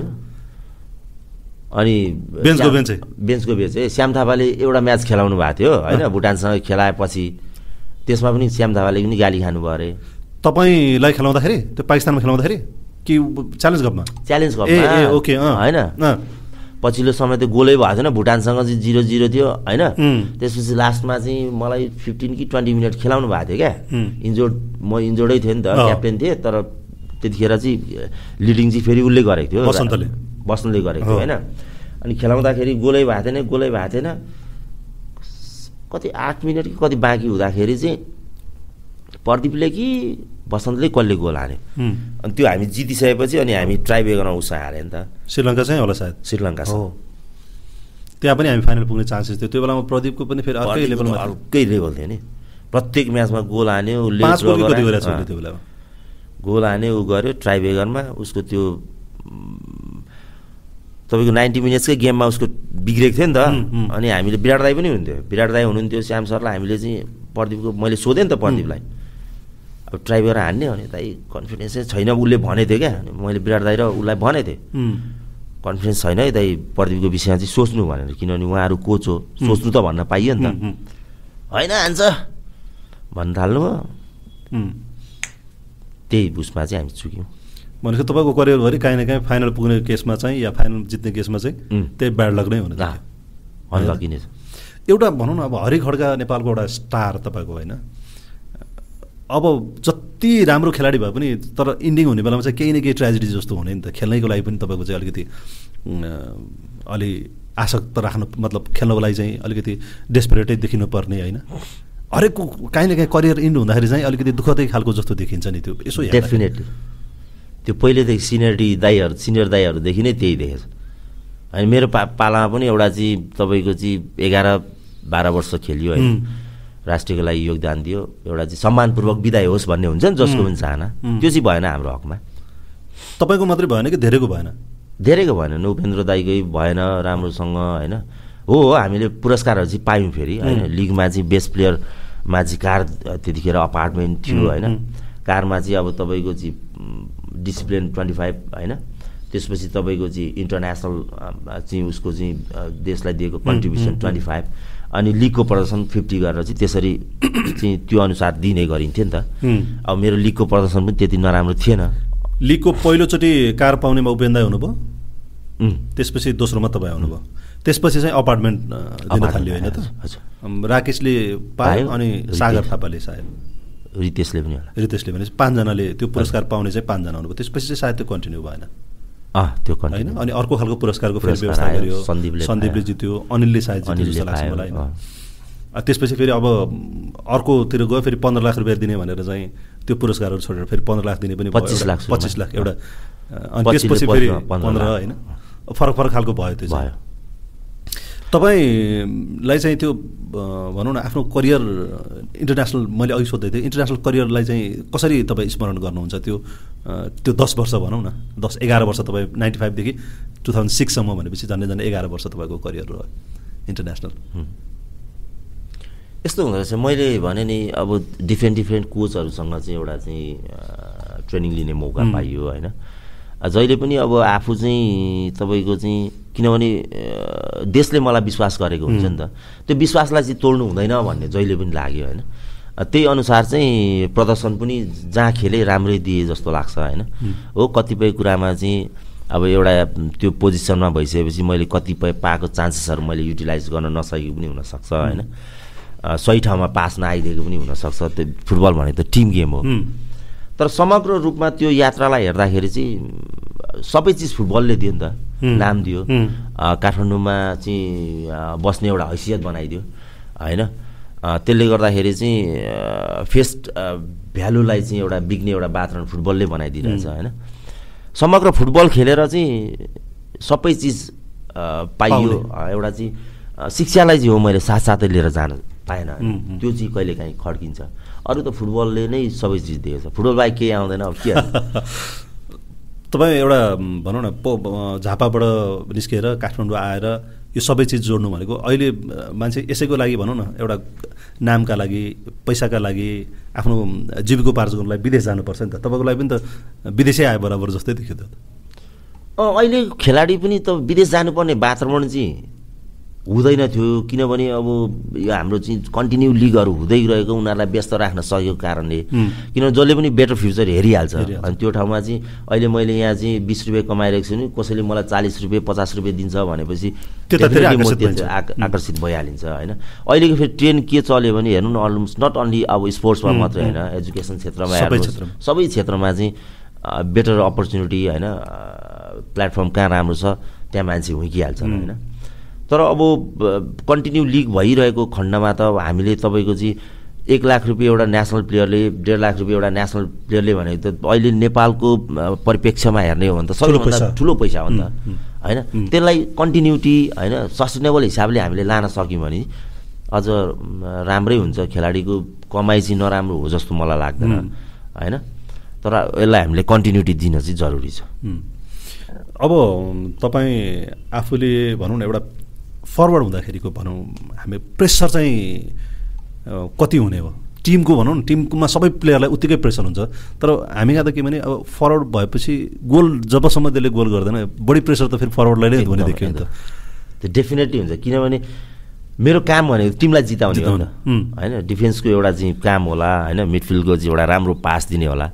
अब मैले जब राम्रो काम गरेन त्यहाँ त टिम त जित्छ भन्ने त हुनै हो छैन। भनेपछि त्यो राम्रो कामको लागि चाहिँ जहिले पनि प्रेसर त हुन्छ नै। तर कस्तो हुँदो रहेछ भने तपाईँको चाहिँ म बङ्गलादेश खेलेँ इन्डिया खेलेँ त्यहाँबाट खेलेर आइसकेपछि नेपालमा त्यो इजी अब भन्यो भने अलिकति घमण्ड साथ भने जस्तो हुन्छ। त्यो लेभलै छैन कि जस्तो पनि लाग्ने क्या। त्यो लेभलको तपाईँ मतलब रोक्न सक्ने डिफेन्सै छैन कि लाग्ने क्या त्यस्तो हुने आफू त्यस्तो हुने। अनि प्रेसर चाहिँ डेफिनेटली अब हुन्छ किनभने झन् तपाईँको चाहिँ तपाईँले कुरा गर्नुभयो मनाङ थ्री स्टार भन्दा पनि हामीलाई प्रेसर चाहिँ आर्मी यिनीहरूसँग डिपार्टमेन्ट किनभने त्यहाँ चाहिँ तपाईँको हाम्रो हाम्रो भित्रको लडाइँ छुट्टै भयो। माथिल्लो टाउको त्यो लेभलको लडाइँ छुट्टै हुन्छ कि? त्यो प्रेस्टिजको लडाइँ। डिपार्टमेन्ट टिमसँग हार्नु भएन। अरूसँग हार डिपार्टमेन्ट टिमसँग जिन हारै। त्यस्तो हुन्छ। अनि त्यो भोलि टग दियो तिमीहरूको टिमलाई भन्ने हुन्छ नि त उनीहरूको। त्यो कारणले अलिकति प्रेसर चाहिँ हुन्थ्यो। तर दस वर्ष तपाईँको करियर भयो होइन तर तपाईँहरूको समयमा त्यति धेरै इन्टरनेसनल म्याचेसहरू त धेरै हुँदैन थियो कमै हुन्थ्यो। प तेह्र गोल नेपालको लागि त तपाईँले सबैभन्दा पहिला तेह्र गोल भनौँ न सबभन्दा बढी गोल तपाईँको नाममा थियो। पछि त्यसलाई चाहिँ निराजन रायमाझीले टु थाउजन्ड एटमा उहाँले बराबरी गर्नुभयो अहिले टु थाउजन्ड ट्वेन्टी थ्रीमा अञ्जन विष्टले बराबरी गरे होइन। एउटा विडम्बना त हो नि त हाम्रो नेपालको कन्टेस्टमा तेह्र गोल नै हाइएस्ट मान्नुपर्ने विडम्बना त छ नि त त्यही पनि त्यति लामो समय समयसम्म। अब तपाईँको सायद टु थाउजन्ड टूतिरको होला तपाईँले अन्तिम गोल कि के छ तपाईँलाई यादसम्म थ्री जस्तो लाग्छ मलाई। यही रङ्गशालामा? रङ्गशालामा उसलाई हामीले के अरे अफगानिस्तानलाई। अफगानिस्तानलाई। एसियन कपको क्वालिफायर हो सायद? हो। तपाईँको टु थाउजन्ड टू पछि तपाईँको चाहिँ थ्री पछि एटमा भनेपछि पाँच वर्ष तपाईँको चाहिँ निराजनले तपाईँलाई बराबरी गर्न पाँच वर्ष लाग्यो। अब त्यो पाँच अहिले अर्को तपाईँको चाहिँ पन्ध्र वर्ष लाग्यो। हजुर त्यो तेह्र गोल पुऱ्याउनको लागि त्यही पनि त्यतिखेर हामी तपाईँको चाहिँ SAFF game SAFF championship world cup qualify world cup qualification Olympic Olympic होइन? त्यस्तो धेरै फ्रेन्डली म्याचेस पनि हुँदैन। हुँदैन थियो होइन? अहिले अब हामीले वर्ल्ड कप क्वालिफिकेसन आउने खेल्ने भनेको कोसँग अब त्यस्तो त्यस्तो टिमसँग थियो। होइन? अहिले त त्यो हेरेको त म्याचेसहरू त धेरै म्याक्सिमम् म्याचेस धेरै त्यसले गर्दाखेरि रेकर्ड भनेको ब्रेक गर्नको लागि हो। तर यो धेरै लामो समय भयो क्या। अहिलेसम्म त अहिलेसम्म पनि तपाईँलाई त हरिखड्काको नाम आयो दोहोरिरहनुमा त एउटा कारण त त्यो पनि हो नि त फेरि। हो एकदम एकदमै। होइन र? तपाईँले चाहिँ टु थाउजन्ड थ्री भनेको बिस वर्ष अगाडि तपाईँले आफ्नो रेकर्ड एउटा राख्नुभएको। अहिलेसम्म पनि त्यो चिजहरू चाहिँ आइरहेछ ब्याज आइरहेछ भन्नु पऱ्यो तपाईँले लामो समय ब्याज दियो। तपाईँले चाहिँ पब्लिकली अञ्जनलाई शुभकामना पनि दिनुभएको छ कि रेकर्ड ब्रेक गर्नुपर्छ यो रेकर्ड भने ब्रेक गर्नको लागि हो। ऊबाट देख्नुहुन्छ नि तपाईँ सम्भावना डेफिनेटली उसँग त्यो त्यो त्यो झिल छ क्या। उसले मलाई छुट्टै प्रकारको रेस्पेक्ट गर्छ होइन। त्यो घुलमिल हाम्रो थिएन तर झापा एफसीमा उसको त्यो जुन त्यो इगरनेस होइन त्यो हङ्गरनेस हुन्छ नि त्यो भोग देखेको छु क्या मैले। त्यसले गर्दा उसले तोड्छ तोड्नु पनि पर्छ।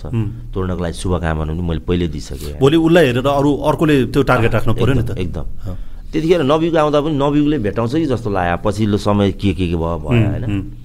त्यसले गर्दाखेरि अहिले चाहिँ उसले राम्रो गरेको छ। त्यो भोग छ क्या उसँग त्यसले गर्दाखेरि चाहिँ अब फुटबलसँग जोडिएको तपाईँ थुप्रै खालको किसाहरू हुन्छ नि होइन। हरिखड्काले चाहिँ एकचोटि सिक्किम जाँदाखेरि टिममा गएर अनि त्यो आम ब्यान्ड चाहिँ सानो भयो अरे। अनि टाउकोमा लगाइदियो अरे उसले। टाउकोमै लाएर खेल्थ्यो अरे।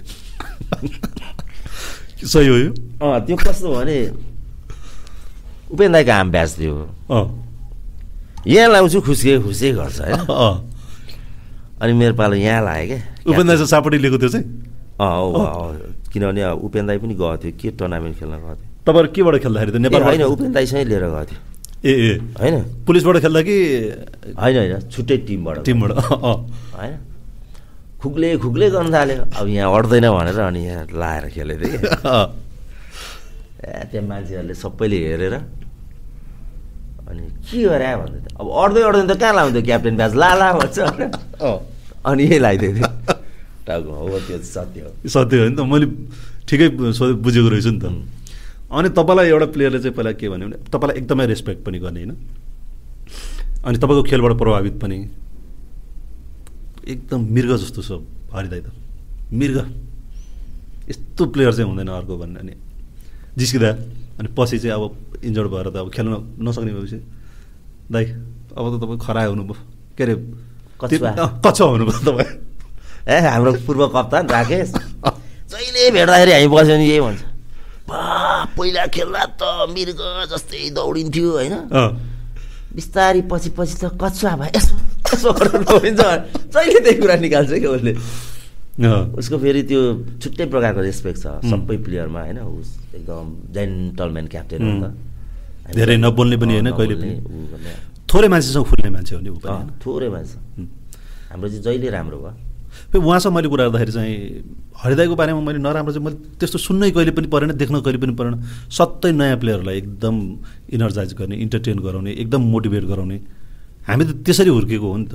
एउटा टिम भएर हामी चाहिँ हाम्रो पनि नाम भएको छ किनभने दाईहरूको त्यो सामिप्यताले हो। म चाहिँ कस्तो गर्थेँ भने एज अ प्लेयर खेल्दा पनि पछि म्यानेजमेन्टमा आइसकेपछि पनि अब एउटा तपाईँको डिस्टेन्स त राख्नुपर्छ। तर त जबसम्म तपाईँ र म घुलमिल हुँदैन तपाईँसँग मैले आत्मीयताको व्यवहार गर्दैन। त्यो टिमवर्क हुँदैन जस्तो लाग्छ क्या मलाई चाहिँ। किनभने तपाईँको आफ्नै प्रब्लम होला होइन? मेरो आफ्नै प्रब्लम होला। बसिसकेपछि पो प्रब्लम सेयर हुन्छ होला होइन। अब कसैले सोध्ला म ए घमण्डी यो स्ट्रिक छ भन्ने सोध्ला बसिसकेपछि पो ए यो रमाइलो पनि छ भन्ने. अनि त्यो त्यो कुरा चाहिँ जहिले पनि हामीमा हुन्थ्यो क्या। खेल्दाखेरि पनि हामी खेलिसकेपछि अब रमाइलो त गर्नु पर्यो. सबै जुनियरहरूलाई पनि राख्ने होइन? राखेर इन्जोय गराउने.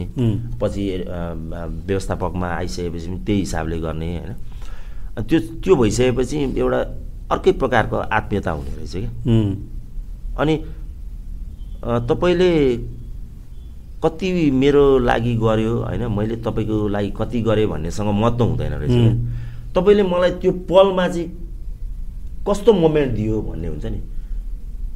त्यो सधैँ यादगार हुन्छ अरे क्या अनि अहिले पनि अब मेरो अगाडि भनेको हो कि पछाडि भनेको सबै पुलिसको खेलाडीहरूले तपाईँ जस्तो चाहिँ नेपाल प्रहरीमा चाहिँ एउटा चाहिँ जिम्मेवार व्यक्ति आएर घसघसाउने खेलाडीको लागि बोल्ने चाहिँ अलिकति भेटाउन अलिक गाह्रो छ पाउन सकेको छैन भन्ने कुराहरू भन्छ क्या भन्नु चाहिँ।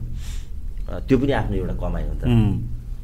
तपाईँहरू टिममा बस्दाखेरि पनि त एउटा भनौँ न नेसनल टिममा होस् या क्लबमा होस् तर सबै एउटा अर्को सब त्यो बन्ड भएन भने त तपाईँले पर्फर्मेन्स पनि त त्यो देखि देखिन्न होला नि त ग्राउन्डमा देखिँदैन। त्यही त। त्यो जबसम्म घुलमिल हुँदैन हामी चाहिँ जस्तै रुममेटसँग अब ल अ, राजेश थापा हुन्थ्यो मेरो इन्टरनेसनल म्याच हुँदाखेरि राजेश थापा हुन्थ्यो होइन। भयो भने पछिल्लो समय नरेश जोशी भयो होइन। हामी डिस्कस गर्ने क्या। तैँले यो बल पायो भने चाहिँ यो गरे। होइन राजेश दाइ तपाईँले पायो भने मिडफिल्ड भन्दा पनि मलाई लामा हानिदिनु न। होइन। बिहाइन्ड द डिफेन्डर फाल्ने डिफेन्सको पछाडि होइन स्पिडले म भ्याइहाल्छु भन्ने। त्यस्तो कुराहरू हुन्थ्यो। अब त्यो सबै कुराहरू भयो भने किनभने त्यसरी आउने हुन्थ्यो. टिममा त बन्डिङ हुने। होइन? अनि मैले ड्रिबल गरेर मिस भएको बेला चाहिँ मलाई गाली डाइरेक्ट मुखसुख छाडेर गाली चाहिँ नगर्नु नि बरु गर्न सक्छस् भनेर त्यसो गर। त्यस्तो कुराहरू अब तपाईँको प्लेइङ करियरमा तपाईँले इन्टरनेसनली तपाईँ गोल्ड मेडलिस्ट हुन सक्नु भएन टाइटल जिताउन सक्नु भएन त कोच भएर पनि तपाईँले नसकेपछि अनि रिटायरमेन्ट दिनु के अरे रिजाइन गर्नुभयो महिला टिममा? यस्तो हुँदो रहेछ। हो त्यो एउटा सपना पाँचवटा सायद फाइनल खेलाउनु भयो तपाईँले। पाँचवटा फाइनल खेलाएँ। मेरो सबभन्दा ठुलो चाहिँ मैले second round पुऱ्याएँ। Olympic, Olympic. Second. Round पुऱ्याएँ। त्यो मेरो कोचिङ क्यारियरको राम्रो रिजल्टमै गन्छ होइन भोलिको दिनमा अब त्यसपछि मैले च्याम्पियनसिप दुइटा होइन साफ गेम र SAFF championship South Asian game पोखरामा? विराटनगरमा साफ च्याम्पियनसिप दुइटा दुइटा अनि Hero Gold Cup. Hero Gold Cup. Hero Gold कपमा चाहिँ अब हामी तपाईँको चाहिँ इन्डियालाई इन्डियाकै ग्राउन्डमा हरायौँ। त्यो पनि मेरो लागि एउटा एचिभमेन्टै हुँ, किनभने इन्डियालाई अहिलेसम्म हराउन सकेको थिएन। त्यही एउटा मात्रै हराएको। होइन हराएको। त्यसपछि अब तपाईँको चाहिँ फाइनलमा फेरि हामीले म्यानमारसँग हार्यौँ। त्यहाँ भयो। त्यसपछि हामी तपाईँको चाहिँ अँ, नाजेस्दा कपमा गयौँ। उज्बेकिस्तान। हुँ। नाजेस्दा कपमा पनि हामी सबै टिमलाई हराउँदै गयौँ फाइनलमा फेरि हामी चुक्यौँ। त्यसपछि अब इन्डियामा हिरो गोल्ड कप खेलिसकेपछि हाम्रो त्यो मोरल जुन थियो अब हाम्रो वुमन्स टिमको त्यसले चाहिँ अब जिताउन सक्छु भन्ने थियो नि त आँट इन्डियाको चाहिँ विकनेस पनि मैले केलाएको थिएँ होइन? हाम्रो स्ट्रेन्थलाई मैले युज गरिरहेको थिएँ। विराटनगरमा त्यत्रो क्राउडको अगाडि होइन? अब त्यो एउटा सानो मिस्टेकले हामी चुक्यौँ होइन? अब त्यहाँ मेरो पनि कति कमी कमजोरी भयो होला। त्यही नाइट मैले राजीनामा दिएको थिएँ क्या। त्यही विराटनगरमै चाहिँ मैले चाहिँ त्यतिखेर कर्मदाई हुनुहुन्थ्यो इन्द्रमान दाई हुनुहुन्थ्यो उपेन्द्र मानसिंह हुनुहुन्थ्यो। त्यो पार्टीमा चाहिँ मैले ल भोलिदेखि म टिम हेर्दैन। मैले टिम जिताउन सकिनँ भने विराटनगरमा दिएँ। अनि मलाई कर्मदाईले के भन्नु भने मैले एकचोटि चुनाव हारेर चाहिँ मैले छोडेको भए चाहिँ मैले जितेँ। अब के के हो चाहिँ विकनेसेसहरू पत्ता लगाएपछि अब त्यसमा काम गर्नुहोस् भनेर भन्यो। भन्नुभयो क्या कर्म दाईले। उपेन्द्र दाईले पनि त्यही भन्नुभयो इन्द्र दाईले पनि त्यही भन्नुभयो। भनेपछि फेरि मौका दिइरहेछ होइन? अब योचोटि चाहिँ प्रुभ गर्नु पऱ्यो भने। भनेर अब हामीले फ्रेन्डली म्याचेसहरूको पनि पहल गऱ्यौँ त्यतिखेर राम्रै फ्रेन्डली म्याच केटीहरूले एक्सपोजर चाहिँ पाएको हो क्या वुमन्स टिमले। वुमन्स टिमले त्यतिखेर चाहिँ एक्सपोजर चाहिँ पाएको हो चाइनासँग खेल्नु त्यस त्यसपछि उनीहरूको मैले किनभने मैले त पहिलोचोटि टिम हेर्दै थिएँ। उनीहरूसँग पनि म त्यही व्यवहार गरेँ पहिलो कुरो म साथी हुनुपर्छ यिनीहरूसँग। साथी भइसक्यो। किनभने उनीहरू त तपाईँ खाना खाँदा पनि डिस्टेन्स राख्ने क्या। टेबलमै नबस्ने। त्यो टेबलमा सबै उ गरिसकेपछि अनि फेरि तपाईँको चाहिँ अब विराटनगरमा पनि त्यही भयो। ए सरी पोखरामा पनि त्यही भयो। अनि अब फेरि सोध्यो भने फेरि हेर भन्ला भनेर मैले चाहिँ कसैलाई नसोधिकन त्यो पोस्ट म्याच उसमै ल आजदेखि चाहिँ म रेजिग्नेसन नेपाली महिला फुटबल टिमलाई चाहिँ मैले जिताउन सकेन। आजदेखि चाहिँ यसैलाई चाहिँ आधिकारिक मानिदिनुहोस्। मैले चाहिँ आजदेखि चाहिँ कोचबाट चाहिँ राजीनामा दिएँ महिला राष्ट्रिय फुटबल टिमबाट चाहिँ भने। त्यसरी दिएँ पछि अब आएर कर्मा दाईको भूपेन दाईको यिनीहरू दाईको हल्का गाली पनि खाइयो। सुन्यो अब के गर्नु त अब? नैतिक जिम्मेवारी पनि लिनु पऱ्यो रिजल्ट नआएपछि तर एउटा एन्फाको अहिलेको पछिल्लो पोलिटिक्समा हेर्ने भने चाहिँ तपाईँ पनि कहिले काहीँ कता कहिले कता जस्तो देखिन्छ। हुन त तपाईँ एउटा प्राविधिक जिम्मेवारीमा हुनुभएको भएर हिजो पनि जिम्मेवारीमा हुनुहुन्थ्यो। आज तपाईँ एउटा डिपार्टमेन्टमा हुनुहुन्छ। कुन अहिले एक्टिङ टेक्निकल डाइरेक्टर। टेक्निकल डाइरेक्टरको रूपमा हुनुहुन्छ टेक्निकल डिपार्टमेन्ट डिपार्टमेन्टमा। एउटा समय तपाईँ चाहिँ वुमेन्स टिमको हेड हुनुहुन्थ्यो होइन? अब तपाईँको त्यो क्षमता भन्ने कि तपाईँको तपाईँलाई चाहिँ त्यो उहाँहरूले क्षमता बुझेर तपाईँहरूलाई जिम्मेवारी दिएको भन्ने कि तपाईँ त्यो समय अनुसार आफ्नो टोली परिवर्तन गरिरहने भएर हो तपाईँलाई त्यो यस्तो हुँदो रहेछ। हो सबभन्दा ठुलो एकदम थ्याङ्क यू फर यो क्वेसन होइन। तपाईँले एकदम राम्रो सही समयमा राम्रो क्वेसन उठायो मलाई कर्मदायको मान्छे भन्छ होइन? तर हिजो मलाई गणेश थापाको पनि मान्छे भन्छ होइन? कर्मदाय आउनुभयो कर्मदायको मान्छे। अब अहिले पङ्कजजी आउनु भएको छ पङ्कजको मान्छे भन्छ किन भन्छ भने हामी टेक्निकल डिपार्टमेन्ट उत्तरदायित्व हुने भनेको महासचिव अध्यक्ष र नेपाली फुटबलमा। होइन? हो। त्यो जिम्मेवारी चाहिँ मैले त्रुटिरहित ढङ्गबाट निभाएको हो हिजोको दिनमा चाहिँ म त्यो तपाईँको चुनावी माहौलमा चाहिँ त एज अ चाहिँ टेक्निकल पर्सन भएको कारणले म जानु न नहुने थियो। त्यो होइन। त्यसमा मैले सहर्ष स्वीकार गर्नुपर्छ। तर हामी अहिले जिम्मेवारी हुने भनेको चाहिँ नेपाल फुटबल अखिल नेपाल फुटबल सङ्घसँग त्यो भन्दा पनि बढी अध्यक्ष र महासचिवसँगै हो। किनभने हामीले काम गर्ने उहाँहरूसँग हो। लिडरसिपमा को आयो भन्ने होइन कि? तपाईँको जिम्मेवारी के हो भन्ने कुरा चाहिँ महत्त्वपूर्ण तर यस्तो पनि छ नि त कालखण्डमा तपाईँ समय बित्दै जाँदाखेरि त फेरि जो जो नेतृत्वमा हुनुहुन्थ्यो उहाँहरूले तपाईँहरूलाई चाहिँ पनि त आरोप लाउने गरे देखिया देखियो नि त कि हामीले गरेको समयको चाहिँ उसले मूल्याङ्कन गरेन हामीलाई चाहिँ प्रेस पनि गरेन होइन? भन्ने सुनियो। त्यो मैले कहाँ भन्ने भन्नु न? त्यो भन्ने तपाईँले अहिले मलाई सोधिदियो सोध्नुभयो भने भन्ने हो नि त मैले। होइन? हिजोको दिनमा चाहिँ नेपाली फुटबलमा यो यो पुरस्कार थियो है यो पुरस्कार दिन्थ्यो अहिले त्यो पुरस्कार घट्दै गएको मैले सङ्केत गरेको तपाईँले सायद बुझ्नुभयो डेफिनेटली जहिले पनि त्यही कुरा दोहोऱ्याउनु त किनभने दिएको हो। त्यो त अखिल नेपाल फुटबल सङ्घले हाम चाहिँ राज्यलाई हामीले चाहिँ कन्ट्रिब्युसन गरे अनुसार हामीले प्रदर्शन गरे अनुसार दिएको हो नि त त्यो त। त्यो हरि खड्कालाई दिएको त होइन होला नि त। मतलब इन्डिभिजुअल तपाईँलाई घरमा बसेको मान्छेलाई लगेर तपाईँलाई पुरस्कार दिएको त होइन होला। मेरो भनाइ पनि त्यही हो। किनभने म हिजो राम्रो खेलेरै उहाँले प्रेस गरेर दिनुभयो नि त। त्यो ठाउँमा चाहिँ उहाँले एउटा वातावरण बनाउनु भयो नि त। ओहो खेलेर खेलाडी खेलेर पनि चाहिँ यस्तो पुरस्कार पाइन्छ त्यो वातावरण बनाउनु भयो नि त। अब तपाईँले सोध्नुभयो भने पो मैले भन्ने त। अब मैले भन्दै हिँड्ने हिजो भन्ने त्यो त कुरा आएन त्यस्तो चिजले तर जे सुरुवात भएको थियो नि त कार दिने अपार्टमेन्ट दिने त्यो कुराको अहिले पनि तपाईँको कुराकानी गरिन्छ कि त्यो समयमा त्यसको सुरुवात राम्रो भएको थियो। त्यसले चाहिँ खेलाडीहरूलाई राम्रो गरिरहेको थियो भन्ने एउटा भनाइहरू पनि आउँछन्। सुनिन्छ। त्यो त मोटिभेसन फ्याक्टर। फ्याक्टर हो। तर त्यति मात्रैले पनि त फुटबल चल्ने होइन रहेछ भन्ने कुरा पनि त फेरि सँगसँगै जोडिएर आउँछ नि त। एकदम। किनभने हिजोको दिनमा मैले कार पाएको हो नि त। हजुर। तर मेरो हैसियत कार चढ्ने थियो कि थिएन भन्ने पनि त हुन्छ होला नि त। अपार्टमेन्ट दिएको म त एकदम ठिक भन्छु। बस्ने त व्यवस्था भयो त्यो त्यसले गर्दाखेरि। होइन। किनभने हामी काठमाडौँ घर नहुने मान्छेलाई त बस्ने व्यवस्था त हुन्छ नि। भाडामा बस्नु छ कार लिएर हिँड्नु छ कार पनि त्यो तपाईँको त्यति बेला तपाईँले घर पनि बनाउनु भएको थिएन। होइन। अब बेच्नु पनि पाइन्न। अब नि। पाँच वर्ष त आफ्नो नाममै नआउने रहेछ मैले त ट्याक्टु ट्याक्टु गरेर आफ्नो नाममा ल्याइहालेँ। उपेन्द्र दाईको त अस्ति भर्खर तैँले कसरी ल्याइस् है भन्दै हुन्थ्यो। अँ। बेच्नु पनि समय मतलब पाँच वर्ष चाहिँ तपाईँको तपाईँको नाममा आउन पाँच वर्ष लाग्ने? अँ पाँच वर्ष पछाडि मात्रै मेरो नाममा आउने। मैले मैले पाएको पुरस्कार अनि? अखिल नेपाल फुटबल सङ्घले मलाई दिइसक्यो। अनि अखिल नेपाल फुटबल सङ्घको चिठी यो पुरस्कार म- उसको नाममा गरिदिनु भनेपछि तपाईँहरूले गर्नु परेन। अनि? अनि हाकिम साहब चाहिँ फेरि पूर्वकै हुनुहुँदो रहेछ। अनि उहाँलाई गएर ए हरिजी ल एउटा चिठी ल्याउनुहोस्। म गरिदिन्छु भन्नु गरिदिनु भयो उहाँले। त्यो त मैले पाएको पुरस्कार हो नि त। अनि मैले बेच्दा पो पाँच वर्ष पछाडि अब त्यो तपाईँको ट्याक्स क्लियर गर्नुपर्ने रहेछ। के गर्नुपर्ने रहेछ त्यो धेरै झन्झट तपाईँहरू खेल्दाखेरि पनि एउटा ग्याप थियो फुटबलमा कि चाहिँ हुने नहुने हुने नहुने लिग हुने नहुने विवाद त्यति बेला पनि हुन्थ्यो। तपाईँहरूको अब आफ्नो एउटा समयको करियर सक्यो तर फुटबल चाहिँ आज पनि हामीले नै चारवटा अध्यक्ष देख्यौँ। गणेश थापा पछि तपाईँको नरेन्द्र श्रेष्ठ आउनुभयो कर्मा छिरिङ शेर्पा आउनुभयो अहिले पङ्कज नेमाङ हुनुहुन्छ। तर समस्या चाहिँ अहिले पनि त्यही छ नि त। हिजो जे थियो वर्षौँ तपाईँ लिगको लागि वर्षौँ कुर्नुपर्ने ग्याप त्यत्तिकै विवाद त्यत्तिकै सधैँ एक खालको डिस्टर्बेन्स त तपाईँ फुटबलमा देखिराख्नुहुन्छ नि। अब हिजोको लिडरसिपभन्दा आजको झन् खराब आजको भन्दा भोलिको झन् खराब जस्तो भएर चाहिँ तपाईँको चाहिँ फुटबलप्रति मान्छेहरूको हेर्ने दृष्टिकोण फरक भएको कि हामीले नयाँ ढङ्गले काम गर्न नसकेको? होइन दुइटै दुइटै यसमा चाहिँ एन्सर आउँछ होइन। अर्को कुरो चाहिँ मेरो चाहिँ यसमा चाहिँ फरक के छ भने वर्ल्ड फुटबलमै तपाईँको चाहिँ पोलिटिक्स भन्ने कुराहरू हुन्छ. होइन। जहाँ पनि हुन्छ फिफामा हेर्नुहोस् एफसीमा हेर्नुहोस् पोलिटिक्स नेचुरल स्वाभाविक तर त्यहाँ टेक्निकल डिपार्टमेन्टलाई उहाँहरूले कहिले पनि चलाउनु होइन। अनि उहाँ लिडरसिपमा बस्ने मान्छेलाई हामीले प्लान दिने हो नि त। उहाँहरूले इम्प्लिमेन्टेसनको पाटोमा उहाँहरू जानुहुन्छ होला। हामीले भन्ने जहिले पनि त्यही हो। टेक्निकल डिपार्टमेन्टलाई खुला रूपले अथोरिटी दिने पोलिटिक्स तपाईँहरू गर्ने। यहाँ त कस्तो देखियो भने म हुन्जेल ठिक। म भइन भने चाहिँ बे ठिक। बेठिक सक्यो अब फुटबल। त्यो त्यो मानसिकताबाट चाहिँ हिँड्नु भएन।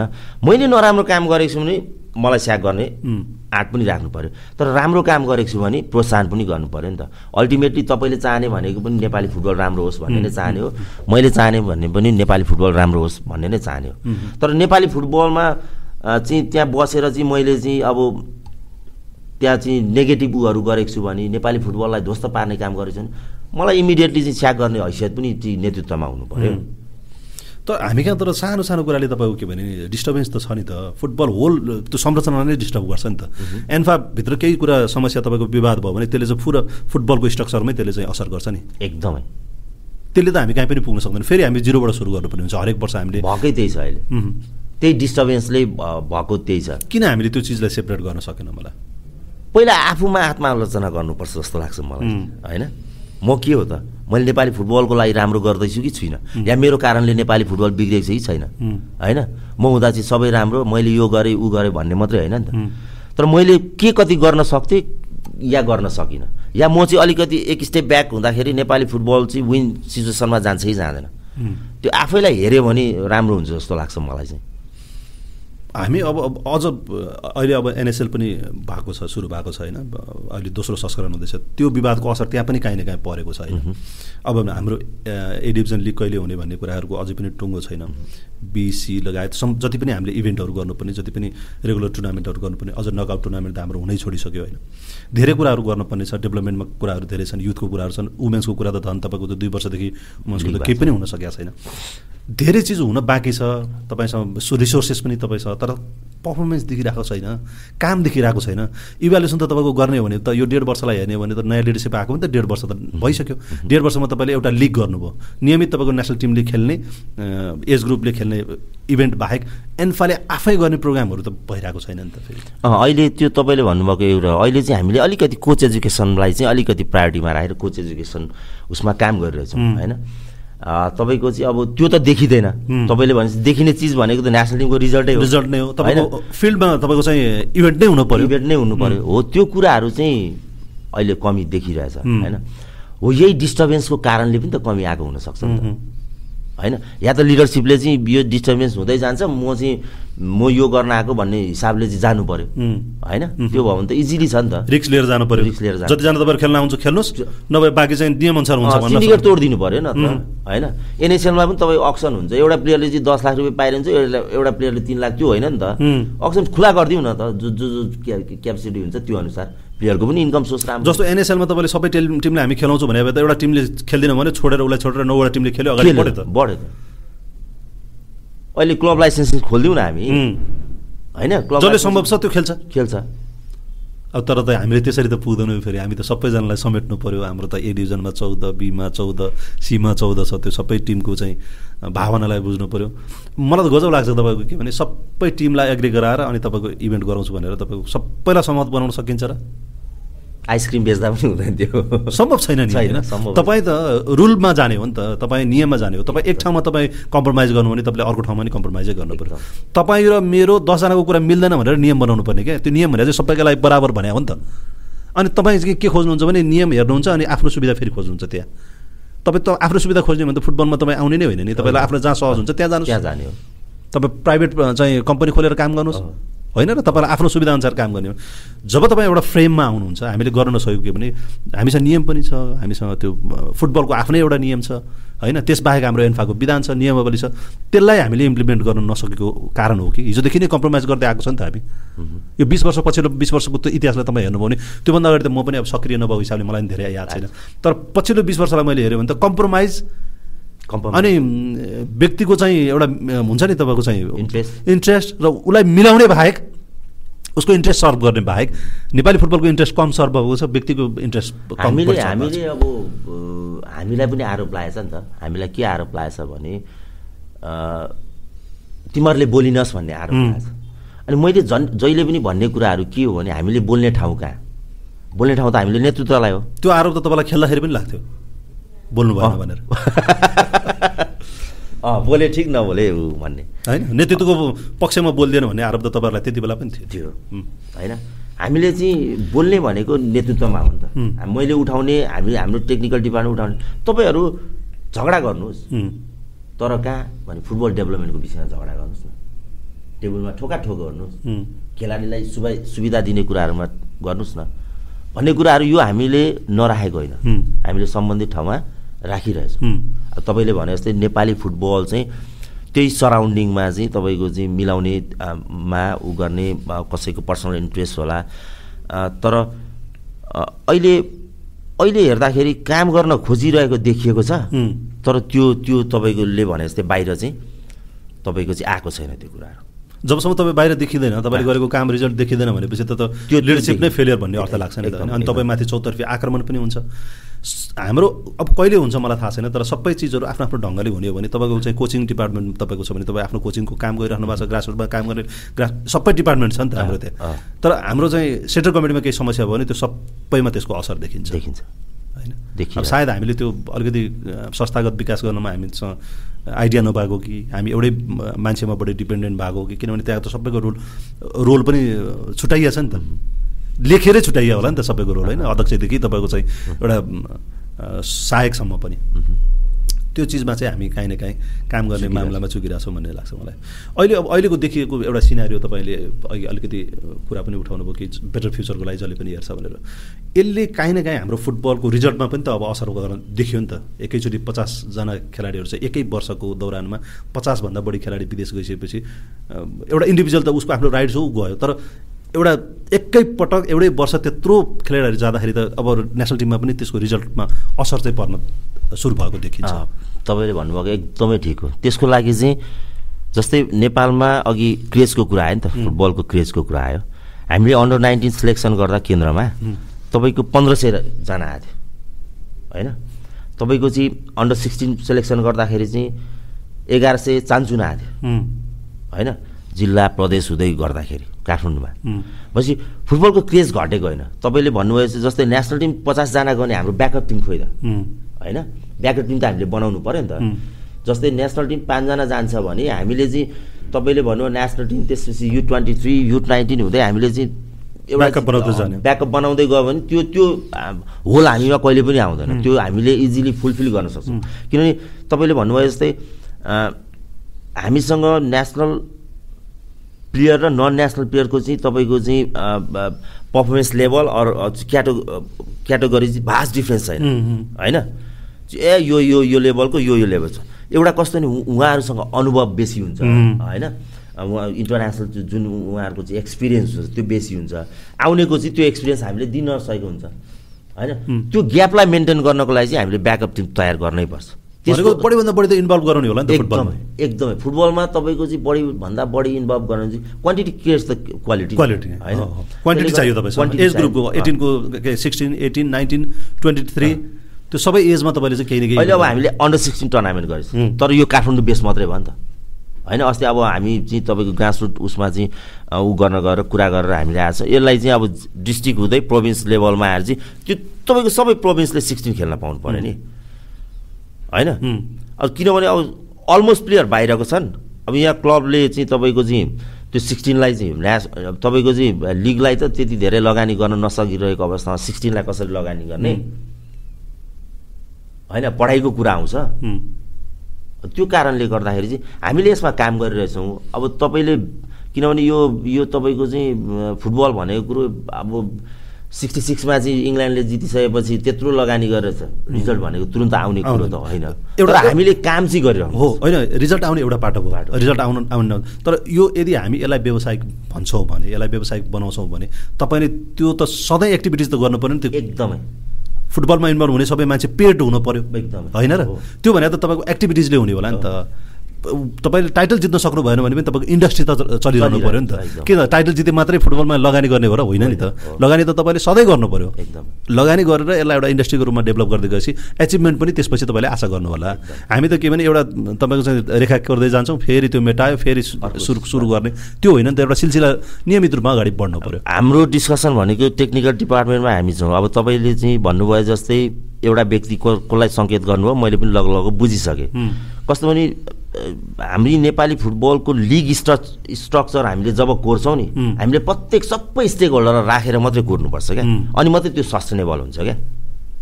आज तपाईँले भनेपछि एउटा रेखा कोर्यो ए यो चाहिँ हामी चाहिँ ऊ भएन भने किनभने त्यो हामीले रेखा कोरिसकेपछि त्यो त डेभलपमेन्ट फेजमा त बिस्तारै जाने होला यदि जस्तो तपाईँ यदि तपाईँ फुटबल खेल्न सक्ने स्थितिमा हुन्न तपाईँको क्लब तपाईँ आर्थिक कारणले तपाईँ चलाउन सक्नुहुन्न या तपाईँको समस्या छ भने तपाईँले छोड्नु पऱ्यो नभए बाटो पनि त खोलिदिनु पऱ्यो नि. यो जरुरी छैन कि तपाईँले हिजो तपाईँसँग दस वर्ष बिस वर्षको इतिहास छ भनेर तपाईँले आज पनि त्यसैलाई लेगेसी बोकेर हिँडिरहनुपर्छ भन्ने जरुरी छैन। यदि तपाईँ आर्थिक रूपमा सक्षम हुनुहुन्न तपाईँ नियमअनुसार अगाडि बढ्न सक्नुहुन्न र यो अहिलेको समयअनुसार तपाईँ धान्न सक्नुहुन्न भने छोड्नु पऱ्यो त्यो छोड्नको लागि चाहिँ क्लब पनि एन्फा पनि तयार हुनु पऱ्यो कि त्यो क्लबहरू बिना पनि हामी अगाडि बढ्न सक्छौँ भन्ने कुरा। नयाँलाई आह्वान गर्न सक्ने होला क्लब लाइसेन्सिङमा जाने होला। अब तपाईँ मुखै हेर्ने हो भने त फेरि सबै आफ्नो नि त। सबै आफ्नो। होइन र? अब यहाँ हामी कहाँ चाहिँ अहिले पनि समस्या के छ भने तपाईँले चाहिँ अनुहार हेरेर काम गर्नुपर्ने बाध्यता छ। मैले बुझेको चाहिँ त्यो छु। तपाईँ तपाईँले मेरोभन्दा फरक बुझ्नु भएको छ भने प्लिज। होइन होइन छैन। मैले पनि बुझेको त्यही हो। अनुहार हेरेर हामीले त्यो हामी अलिकति नेपाली चाहिँ अलिक भावना भावनामा बग्छौँ अलिक बढी बग्छौँ फुटबल चाहिँ भावनाले चल्दैन फुटबल फेरि भावनाले चल्दैन। त्यसले गर्दाखेरि तपाईँले भन्नुभयो जस्तै यदि फुटबललाई हामीले चाहिँ सही दिशातर्फ लिएर सिन्डिकेट तोडिदिनुपर्छ। होइन? जो जो खेल्न आउँछ क्लब लाइसेन्सिङमा जाने एउटा वातावरण तय गरिदिनुपर्छ। अहिले तपाईँ एनएसएलमा फ्रेन्चाइजको दस्तुर तिरेर पैसा तिरेर पनि त खेल्न आएको छ त फुटबल फेरि? एउटा मोडल त हामीसँग अर्को देखियो नि त। देखियो। अर्को चाहिँ तपाईँको के भने फिफाकै पैसा भनौँ न एन्फा थ्रु आए पनि फिफाले पैसा दिएर लौ न फुटबल तिमी खेल्दैौ भन्नुपर्ने कन्डिसन पनि छ नि त। छ। होइन र? डिफ्रेन्सेस त हामीसँगै दुइटा देखिसक्यो नि त। मैले फेरि एनएसएल राम्रो अर्को लिग। नराम्रो भन्न खोजेको होइन कि। दुईवटा दुइटा उदाहरण हामीसँगै छ। हुन त उहाँहरूले लामो समय लिग खेल्नुपर्छ उहाँहरूले आठ नौवटा म्याच मात्रै खेलेपछि पुग्छ उहाँहरूको एउटा नकआउटको फर्मेटमा छ। त्यो फरक छ। त्यता मैले कम्पेयर गर्न खोजेको भने मोडल हामीसँगै दुइटा भयो। फुटबलमा यदि तपाईँ इन्भेस्ट गर्ने भने तपाईँले त्यहाँबाट रिटर्न आउने बनाउनु पऱ्यो अब यो चाहिँ सोसियल वर्क मात्रै चाहिँ होइन है। होइन है भन्ने एकदमै। त्यो चाहिँ एकदम तपाईँले ठिक कुरा होइन र? हो किनभने फुटबल भनेको त बिजनेस हो नि। बिजनेस हो। यो त अल एबाउट बिजनेस हो नि। तपाईँ कहाँ यहाँ भावनाले चल्छ? तपाईँ। रिजल्ट चाहिँ तपाईँलाई हार्यो भनेर चाहिँ कसैले चाहिँ ऊ यहाँ हाम्रो विराट दाईले भन्नुहुन्थ्यो आज कि तरफ चाहिँ दो गोल दिइदियो भनेर हामीलाई कहाँ टुर्नामेन्ट जिताएको थियो भन्नुहुन्थ्यो कि? अब त्यो त होइन नि त। फुटबल भने त। फुटबललाई हामीले बिजनेसको हिसाबले लिएर गयौँ भने नेपालमा अझै पनि एकदमै सम्भावना छ। अब अनि तपाईँहरू चाहिँ भनौँ न तपाईँ टेक्निकल फिल्डमा जाने अर्को टेक्निकल फिल्डमा जाने फुटबल बुझेकै मान्छे लिडरसिपमा आएन भन्ने आउँदाखेरि पनि समस्या भयो भन्ने हामी कहाँ छ? तपाईँहरू चाहिँ एन्फाको लिडरसिपमा कहिले नदेखिने हामीले? तपाईँहरूको पुस्ता भनौँ। जहिले पनि अब यही क्वेसन मलाई साथीहरूले पनि गर्नुहुन्छ होइन? गाह्रो छ। गाह्रो। लिडरसिपमा आउन? गाह्रो छ। तपाईँले भनेपछि सबैलाई हामी रिजाउन सक्दैनौँ। कोही कोही मान्छेको स्वभाव फरक खालेको हुन्छ। हामी मेरो स्वभाव चाहिँ मलाई आफू आफूले आफूलाई एनालाइसिस गर्दाखेरि चाहिँ म टेक्निकलमा काम गर्न सक्छु। म अरूको लागि बोल्न सक्छु होला। आफ्नो लागि त्यो लिडरसिपमा आउने मसँग अझै पनि मैले क्षमता आफूमा विकास नगरेको जस्तो मलाई लाग्छ। र नेपाली फुटबलमा लिडरसिपमा आउनको लागि चाहिँ तपाईँ हर कुराले चाहिँ निपुण हुनुपर्छ निपुण हुनुपर्छ जस्तो लाग्छ अब अलिकति हामीले हेऱ्यो भने त तपाईँको चाहिँ नेकपा एमालेको अध्यक्षज्यूसँग भनौँ न केपी ओलीसँग तपाईँको सम्बन्ध निकट देख्छौँ हामी। बा नै भनेर सम्बोधन गर्नुहुन्छ होला तपाईँले पनि होइन. धेरैको बा हो नि त उहाँ त होइन? भने मतलब रेस्पेक्ट गरेर भन्नुहुन्छ। तपाईँ पनि बा हुनुहुन्छ। तपाईँको त जिल्लावासी पनि हुनुभयो। यसो निकट्दा हेर्दाखेरि तपाईँ जिल्लामा भोलि पोलिटिक्सको लागि पनि जाने हो कि? कतै कतै भन्ने पनि देखिन्छ हो। सायद अब के हो तपाईँको त्यो कुरा? अलिकति तपाईँले त्यो सम्बन्ध तपाईँको चाहिँ निकटतालाई पनि अलिकति खुलाइदिनुहोस् र यस्तो यस्तो। मेरो सम्बन्ध भनेको पोलिटिक्स मैले अहिलेसम्म कसैको चाहिँ आबद्धता लिएको छैन। राष्ट्रिय झन्डा बाहेक होइन? अब मेरो विश्व प्रकाशजीसँग पनि राम्रो छ. उताको नेताहरू भनौँ न विश्व प्रकाशजी पनि एउटा कङ्ग्रेसको महामन्त्री हुनुभयो अब। हाम त्यतिखेर अब हाम्रो घर सँगसँगै. अनि केपी बासँग चाहिँ के छ भने त्यो खेलप्रतिको जुन उहाँको लगाव उहाँले तपाईँलाई एकचोटि चिन्यो भने उहाँ कहिले बिर्सिनुहुन्न. होइन अनि गर्ने व्यवहार होइन त्यो कारणले गर्दाखेरि चाहिँ एकदम घनिष्ठ भयो होइन। अर्को कुरो अब पिताम्बर तिमसिना दाईले गर्दा पनि अनि मलाई एउटा कुरो उहाँको के मन पऱ्यो भने म फर्स्ट उहाँलाई भेट्दाखेरि म झापाको इन्भिटेसन लिएर गएको थिएँ। होइन? अनि उहाँको भ्याउने नभइसकेपछि अब पार्टी त फरक न कृष्ण सिटौला र तपाईँको चाहिँ के केपी भएको होइन? भनेपछि उहाँले के भन्नुभयो भने यो ओपनिङमा कृष्णजीलाई गर। क्लोजिङमा चाहिँ म भ्याएसम्म आउँछु भन्नुभयो क्या। झापा गोल्ड कपको लागि? अँ। अँ, मचम्म लाग्यो। भनेपछि भित्र त उहाँहरूको इन्टिमेसी छुट्टै रहेछ नि त। होइन? त्यो कारणले म म, कृष्ण सिटोला सरकोमा गएँ होइन? गइसकेँ ल यस्तो ए ल ल ल। त्यसो भयो। त्यसो भन्नुभयो भन्नु ल म आउँछु भन्नुभयो। त्यसरी चाहिँ अनि त्यो पुरस्कार दिँदाखेरि भयो होइन? अब अनि मलाई चाहिँ छोरै भन्छ सबैले भन्ने होइन? तर उहाँले माया गर्नुहुन्छ एकदम। अनि अर्को कुरो पोलिटिक्समा चाहिँ अहिलेसम्म अलिकति सोचेको छैन फुटबलमै केही काम गरौँ भन्ने अझै पनि त्यही हो। टेक्निकल अलिकति स्ट्रङ बनाऊँ भन्ने नै सोच छ।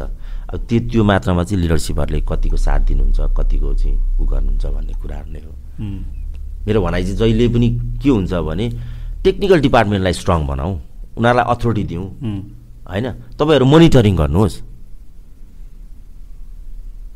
अनि काहीँ गलत भएको छ भने एक्सन लिनुहोस्। अब तपाईँहरू मेरो चाहिँ यो एउटा संयोग जुर्यो धेरै कसरतपछि भनौँ न एक डेढ हप्ता एक डेढ हप्ता एक डेढ महिनादेखिकै कसरतपछि आज मौका मिल्यो।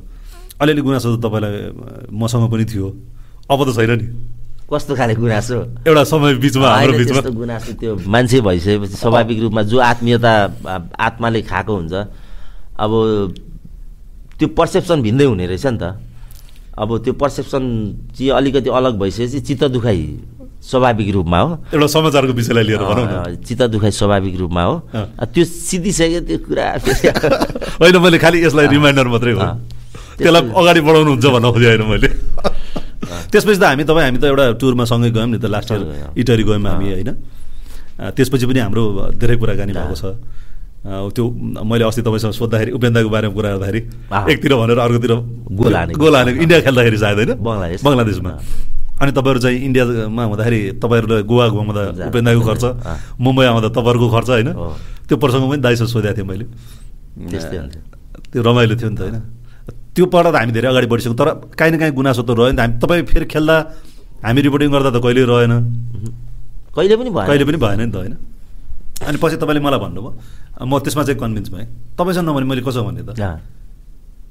भनेपछि अनि म पनि त कन्भिन्स भएँ। जसलाई सहज लाग्छ उसलाई त भन्ने हो। सबैसँग त जवाब खोज्दै हिँड्ने कुरा पनि भएन।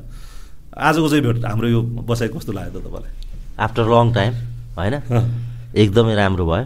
जोस् अ, तपाईँले चाहिँ जुन प्रश्न चाहिँ मैले तपाईँलाई सोध्दै हुन्थ्यो भन्ने थियो नि मनमा थियो? थियो। त्यही प्रश्न एक दुईवटा सोधिदिनु भयो होइन। जसमा चाहिँ मैले क्लियरफाई गर्न पाएँ नि त। अर्को एउटा कुरा चाहिँ छुट्यो हाम्रो तपाईँ त्यो डान्स कम्पिटिसनमा जानुभएको थियो नि हिमालयन टेलिभिजनमा भएको। हो त्यो चाहिँ एउटा प्रसङ्ग छुट्यो अझै। अँ त्यो छुट्यो है। त्यसले गर्दाखेरि चाहिँ यस्तो भयो एउटा च्यालेन्ज आयो यो च्यालेन्ज चाहिँ मैले अनिललाई सुम्पेको थिएँ क्या। उम्, अनिल गुरुङलाई हो। पहिला हामीले न्युज बनाउँदाखेरि अनिलको बनाएको थियौँ। अनिल जाने भनेर। पछि उसको के मैले- मिलेन। मलाई चाहिँ सुशील नेपाल अब मेरो मित्र। उहाँले चाहिँ ल चाहिँ स्पोर्ट्स सेक्टरबाट चाहिँ एक दुईजना मान्छे छानिदिनु पऱ्यो अरे। एकजना डान्स गर्ने चाहिँ डान्सिङ विथ स्टार्समा भने। अनि मैले हाम्रो कान्छु दिपक विष्टको अनि के अरे हाम्रो अनिल गुरुङ होइन। त्यसपछि त्यसपछि मैले पुलिसको तपाईँले रिकमेन्ड गर्नुभयो? मैले तिन चारजनाको नाम दिएको। थिएँ क्या। अनि ओके अनिल हुन्छ भन्यो सुशीलले। सुशीलजीले अनिल हुन्छ भनेपछि ल अनिल अब प्र्याक्टिसमा नि गयो एक हप्ता। अनिल गरिरहेछ अनि एक हप्ता पछाडि मलाई युकेबाट फोन आयो फेरि सुशीलको। अँ, म युकेमा छु सरजी यताउता अनिलले चाहिँ अब यो लकडाउन भयो। अनिलले चाहिँ घरायसी समस्या चाहिँ के के भयो अरे यो उसमा चाहिँ भनेर भन्यो। ल म अर्को मान्छे खोज्छु नि। अर्को मान्छे होइन अब तपाईँ गर्नुपर्छ भनेर भन्यो। ए तपाईँ आउनुहोस् अनि कुरा गरौँला भने म। उहाँ आउनुभयो। अनि स्टुडियोमा बसेर अब त्यही त भने अब यो कस्तो खाले प्रोग्राम हो। सबै डिटेल लिइसकेपछि अब लकडाउनको बेला छ होइन? किनभने म चाहिँ फेरि व्यावसायिक प्रोफेसनल र तपाईँको रिलेसनमा चाहिँ म फरक राख्छु क्या फेरि। प्रोफेसनल हिसाबले काम गरेपछि त मेरो के त भन्ने कुराहरू पनि आउँछ। त्यो सबै क्लियर गरिसकेपछि ल ओके। अनि फेरि म बुढीसँग चाहिँ सल्लाह लिन्छु क्या। किनभने त्यो सो भनेको त महिलाहरूले फरक हिसाबले हेर्न पनि सक्छ भने। बुढीसँग सल्लाह गर्दाखेरि बुढीले के भन्यो? भने, को कोलाई पठाउनुहुन्छ तपाईँलाई आएको छ लास्टमा अपर्च्युनिटी च्यालेन्ज तपाईँलाई आएको छ। किन नस्वीकार नगर्ने भन्छ बुढी? भनेपछि ल स्वीकार गरिदिउँ भनेर त्यसरी स्वीकार गर्दै गयो। त्यो नयाँ एक्सपिरियन्स बटुल्यो। त्यसले गर्दाखेरि चाहिँ के भयो भने हिजो फुटबल खेलाडी हरि खड्का त्यो जस्तै तपाईँ हामी ब्याचमेट भयो त्यो लेभलले मात्रै चिन्थ्यो नि. त यो डान्सिङ विथ स्टार्सले चाहिँ अहिले जुनियरलाई पनि ए खेलाडी पनि यस्तो रहेछ है। उहाँ खेलाडी रहेछ यो डान्स Connect हुनु पायो नयाँ पुस्तासँग पनि। खेल्न सजिलो कि नाच्न सजिलो त नि खेल्न सजिलो नि। त्यो त छुट्टै प्रकार हो एउटा तपाईँको त्यो एजमा आएर तपाईँको रेगुलर ट्रेनिङमा जाऊ होइन? अनि पर्फर्मेन्स गरेर बिग्रियो कि के गर्यो? भोट आयो कि आएन। फेरि? एक्लै नाच्नु र तपाईँको चाहिँ जोडी नाच्नुमा त फरक हुँदैन नि। त्यसले तपाईँलाई सोसियल मिडियामा तपाईँको टिकटकमा त तपाईँलाई धेरै फाइदा गर्यो नि त नाच्नको लागि। धेरै फाइदा गर्यो। पछि त तपाईँले चाहिँ एक्लै पनि मतलब टिकटकमा पनि बनाउनु भएको हामीले हेऱ्यौँ नि त होइन। त्यसपछि तपाईँको एउटा अर्को पाटो त खोल्यो नि? खोल्यो एकदम खोल्यो। अफर पनि आयो दुई चार ठाउँबाट। अफर पनि आयो नआएको होइन। त्यसले एउटा छुट्टै एउटा प्लेटफर्म चाहिँ खडा गरिदियो। अब त्यो एउटा गर्नुभयो। त्यसपछि सायद त्यसले तपाईँलाई अर्को काम गर्नलाई पनि पुस गर्यो कि अहिले अन्जिला फिल्म पनि तपाईँ खेल्नुभयो। हाम्रो एन्जिला तुम्बा पुसुबाको जीवनीमा आधारित फिल्म बन्यो नि अन्जिला त्यसमा पनि। तपाईँ खेल्नुभयो। खेल्नेवाला। ए खेलिसक्नु भएको छैन मेरो सिद्धेको छैन। ए ए तपाईँको सुटिङ हुनु बाँकी छ। अनि मतलब त्यो सिद्धियो। अब बाँकी छ। तपाईँको पाटो चाहिँ बाँकी छ। अनि के कसरी तयार हुनुभयो? तपाईँ फेरि उसको पनि एक्टिङ गर्नुहुन्छ नि। भुवन किसीले तपाईँलाई चाहिँ क्याप्टेनको लागि होइन?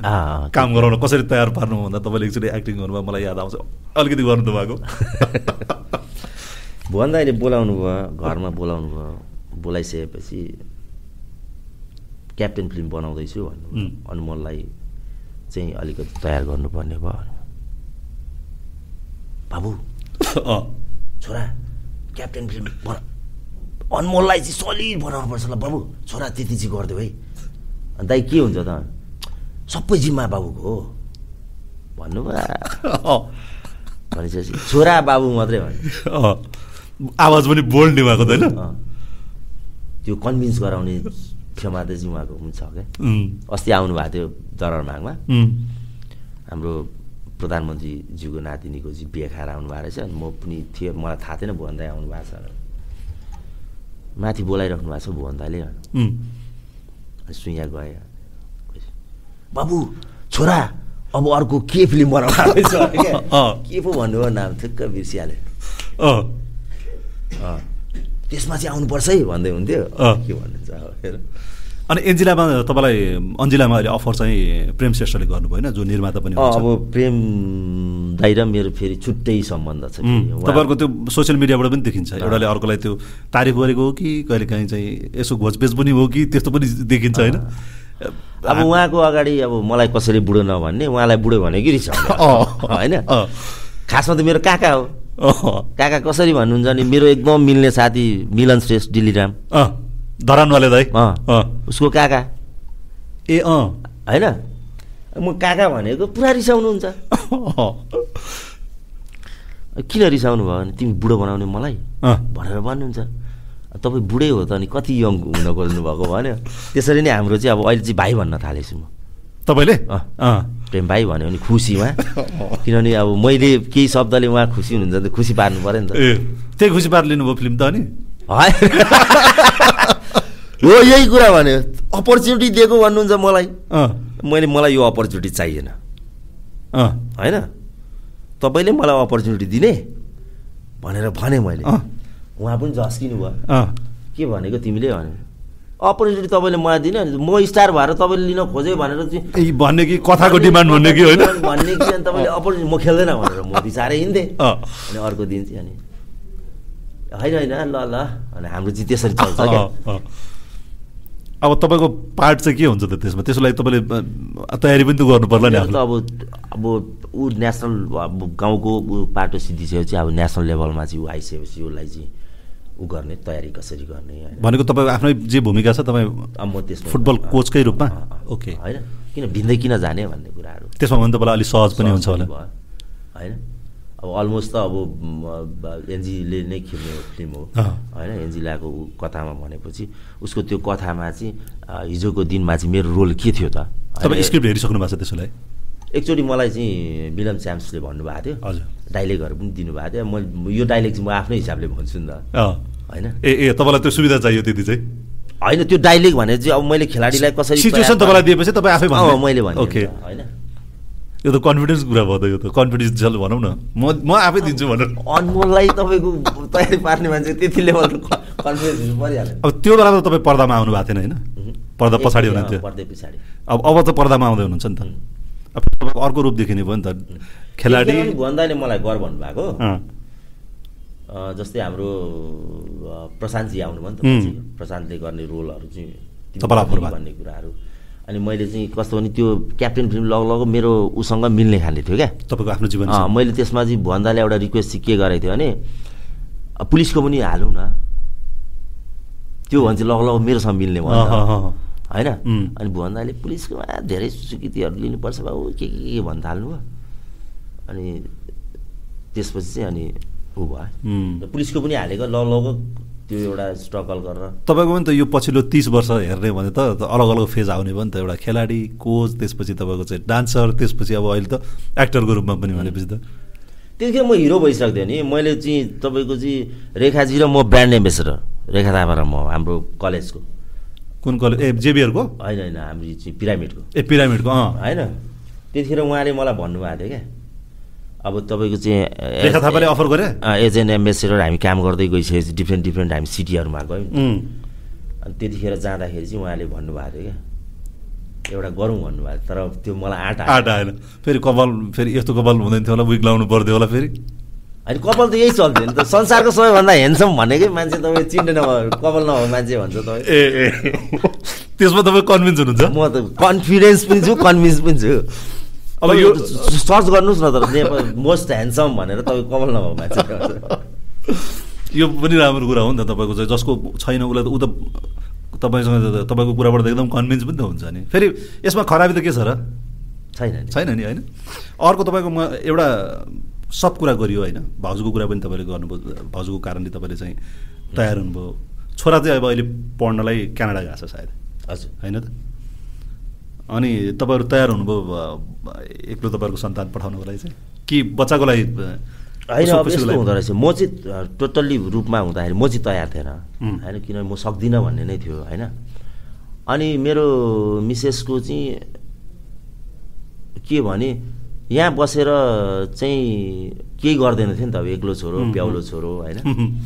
खेल्न मन लाग्ने खेल्न मन लाग्ने कलेज गयो आयो आयो आफ्नो हिसाबले भयो। केही सिक्छ त्यहाँ गयो भने बाबुआमाभन्दा अलग गएपछि उसले आफैले लाइफ स्ट्रगल गर्नु। स्ट्रगल गर्नु पऱ्यो केही सिक्छ स्ट्रङ हुन्छ। खा खालि तपाईँले दुई सय रुपियाँ चार सय रुपियाँ दिएर चाहिँ राखिराख्ने भनेर भन्यो। तिमी सक्छौ भने क्या मैले?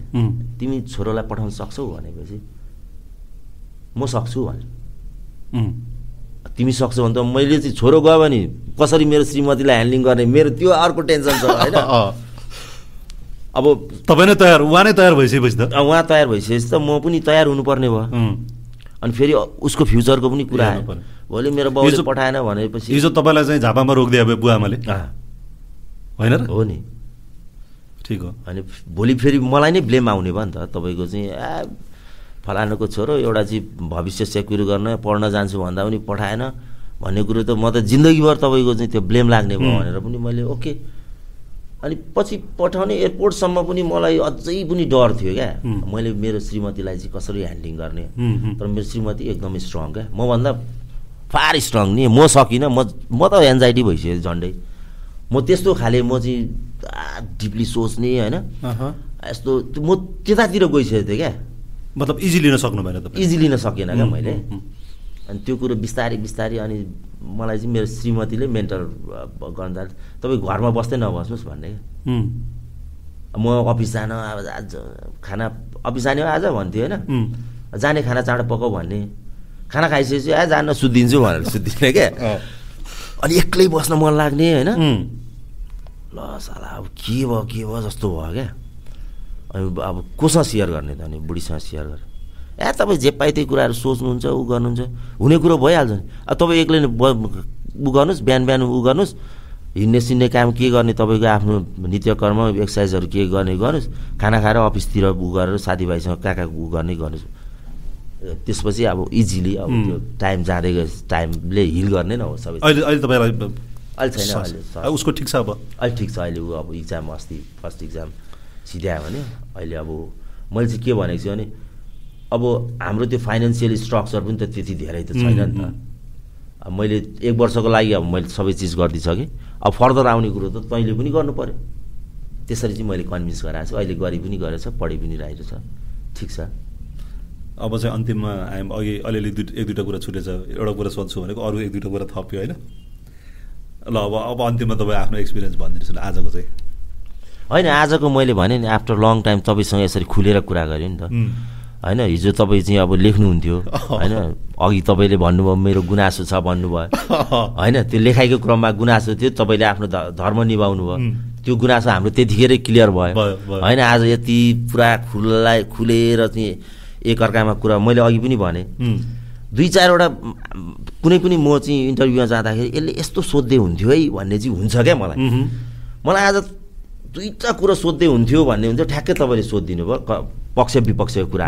सोधिदिनु भयो. अर्को चाहिँ मैले यो गरेँ भन्ने कुराहरू सोधिदिनु भयो नि त। मैले क्लियर गर्न मैले बोल्ने कहाँ त? म कसको मान्छे त?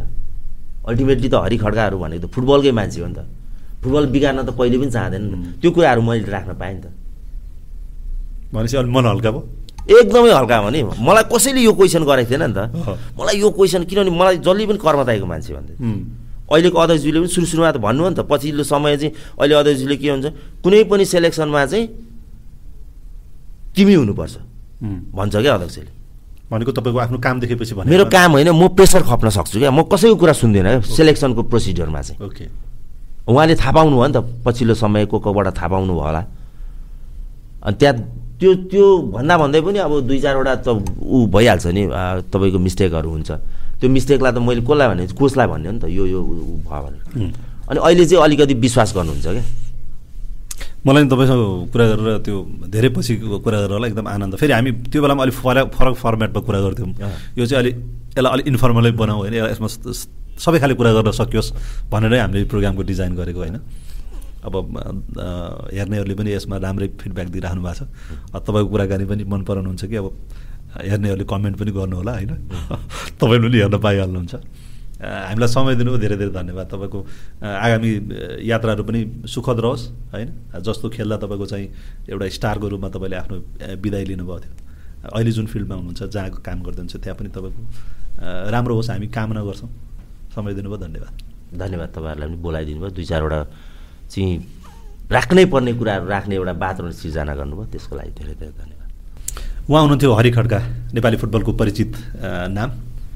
हामीलाई हेरेर तपाईँहरूले चाहिँ प्रतिक्रिया पनि दिनुहोला उहाँको यो अङ्क कस्तो लाग्यो। हामी हरेक हप्ता हाम्रो खेलकास्ट लिएर हाम्रो खेलकुद मार्फत आउने गरेका छौँ शुक्रबार साँझ। यो स्टुडियोका लागि फोटोघरलाई धन्यवाद दिँदै म प्रकाश तिमर सेनालाई पनि बिदा दिनुहोस्। नमस्कार।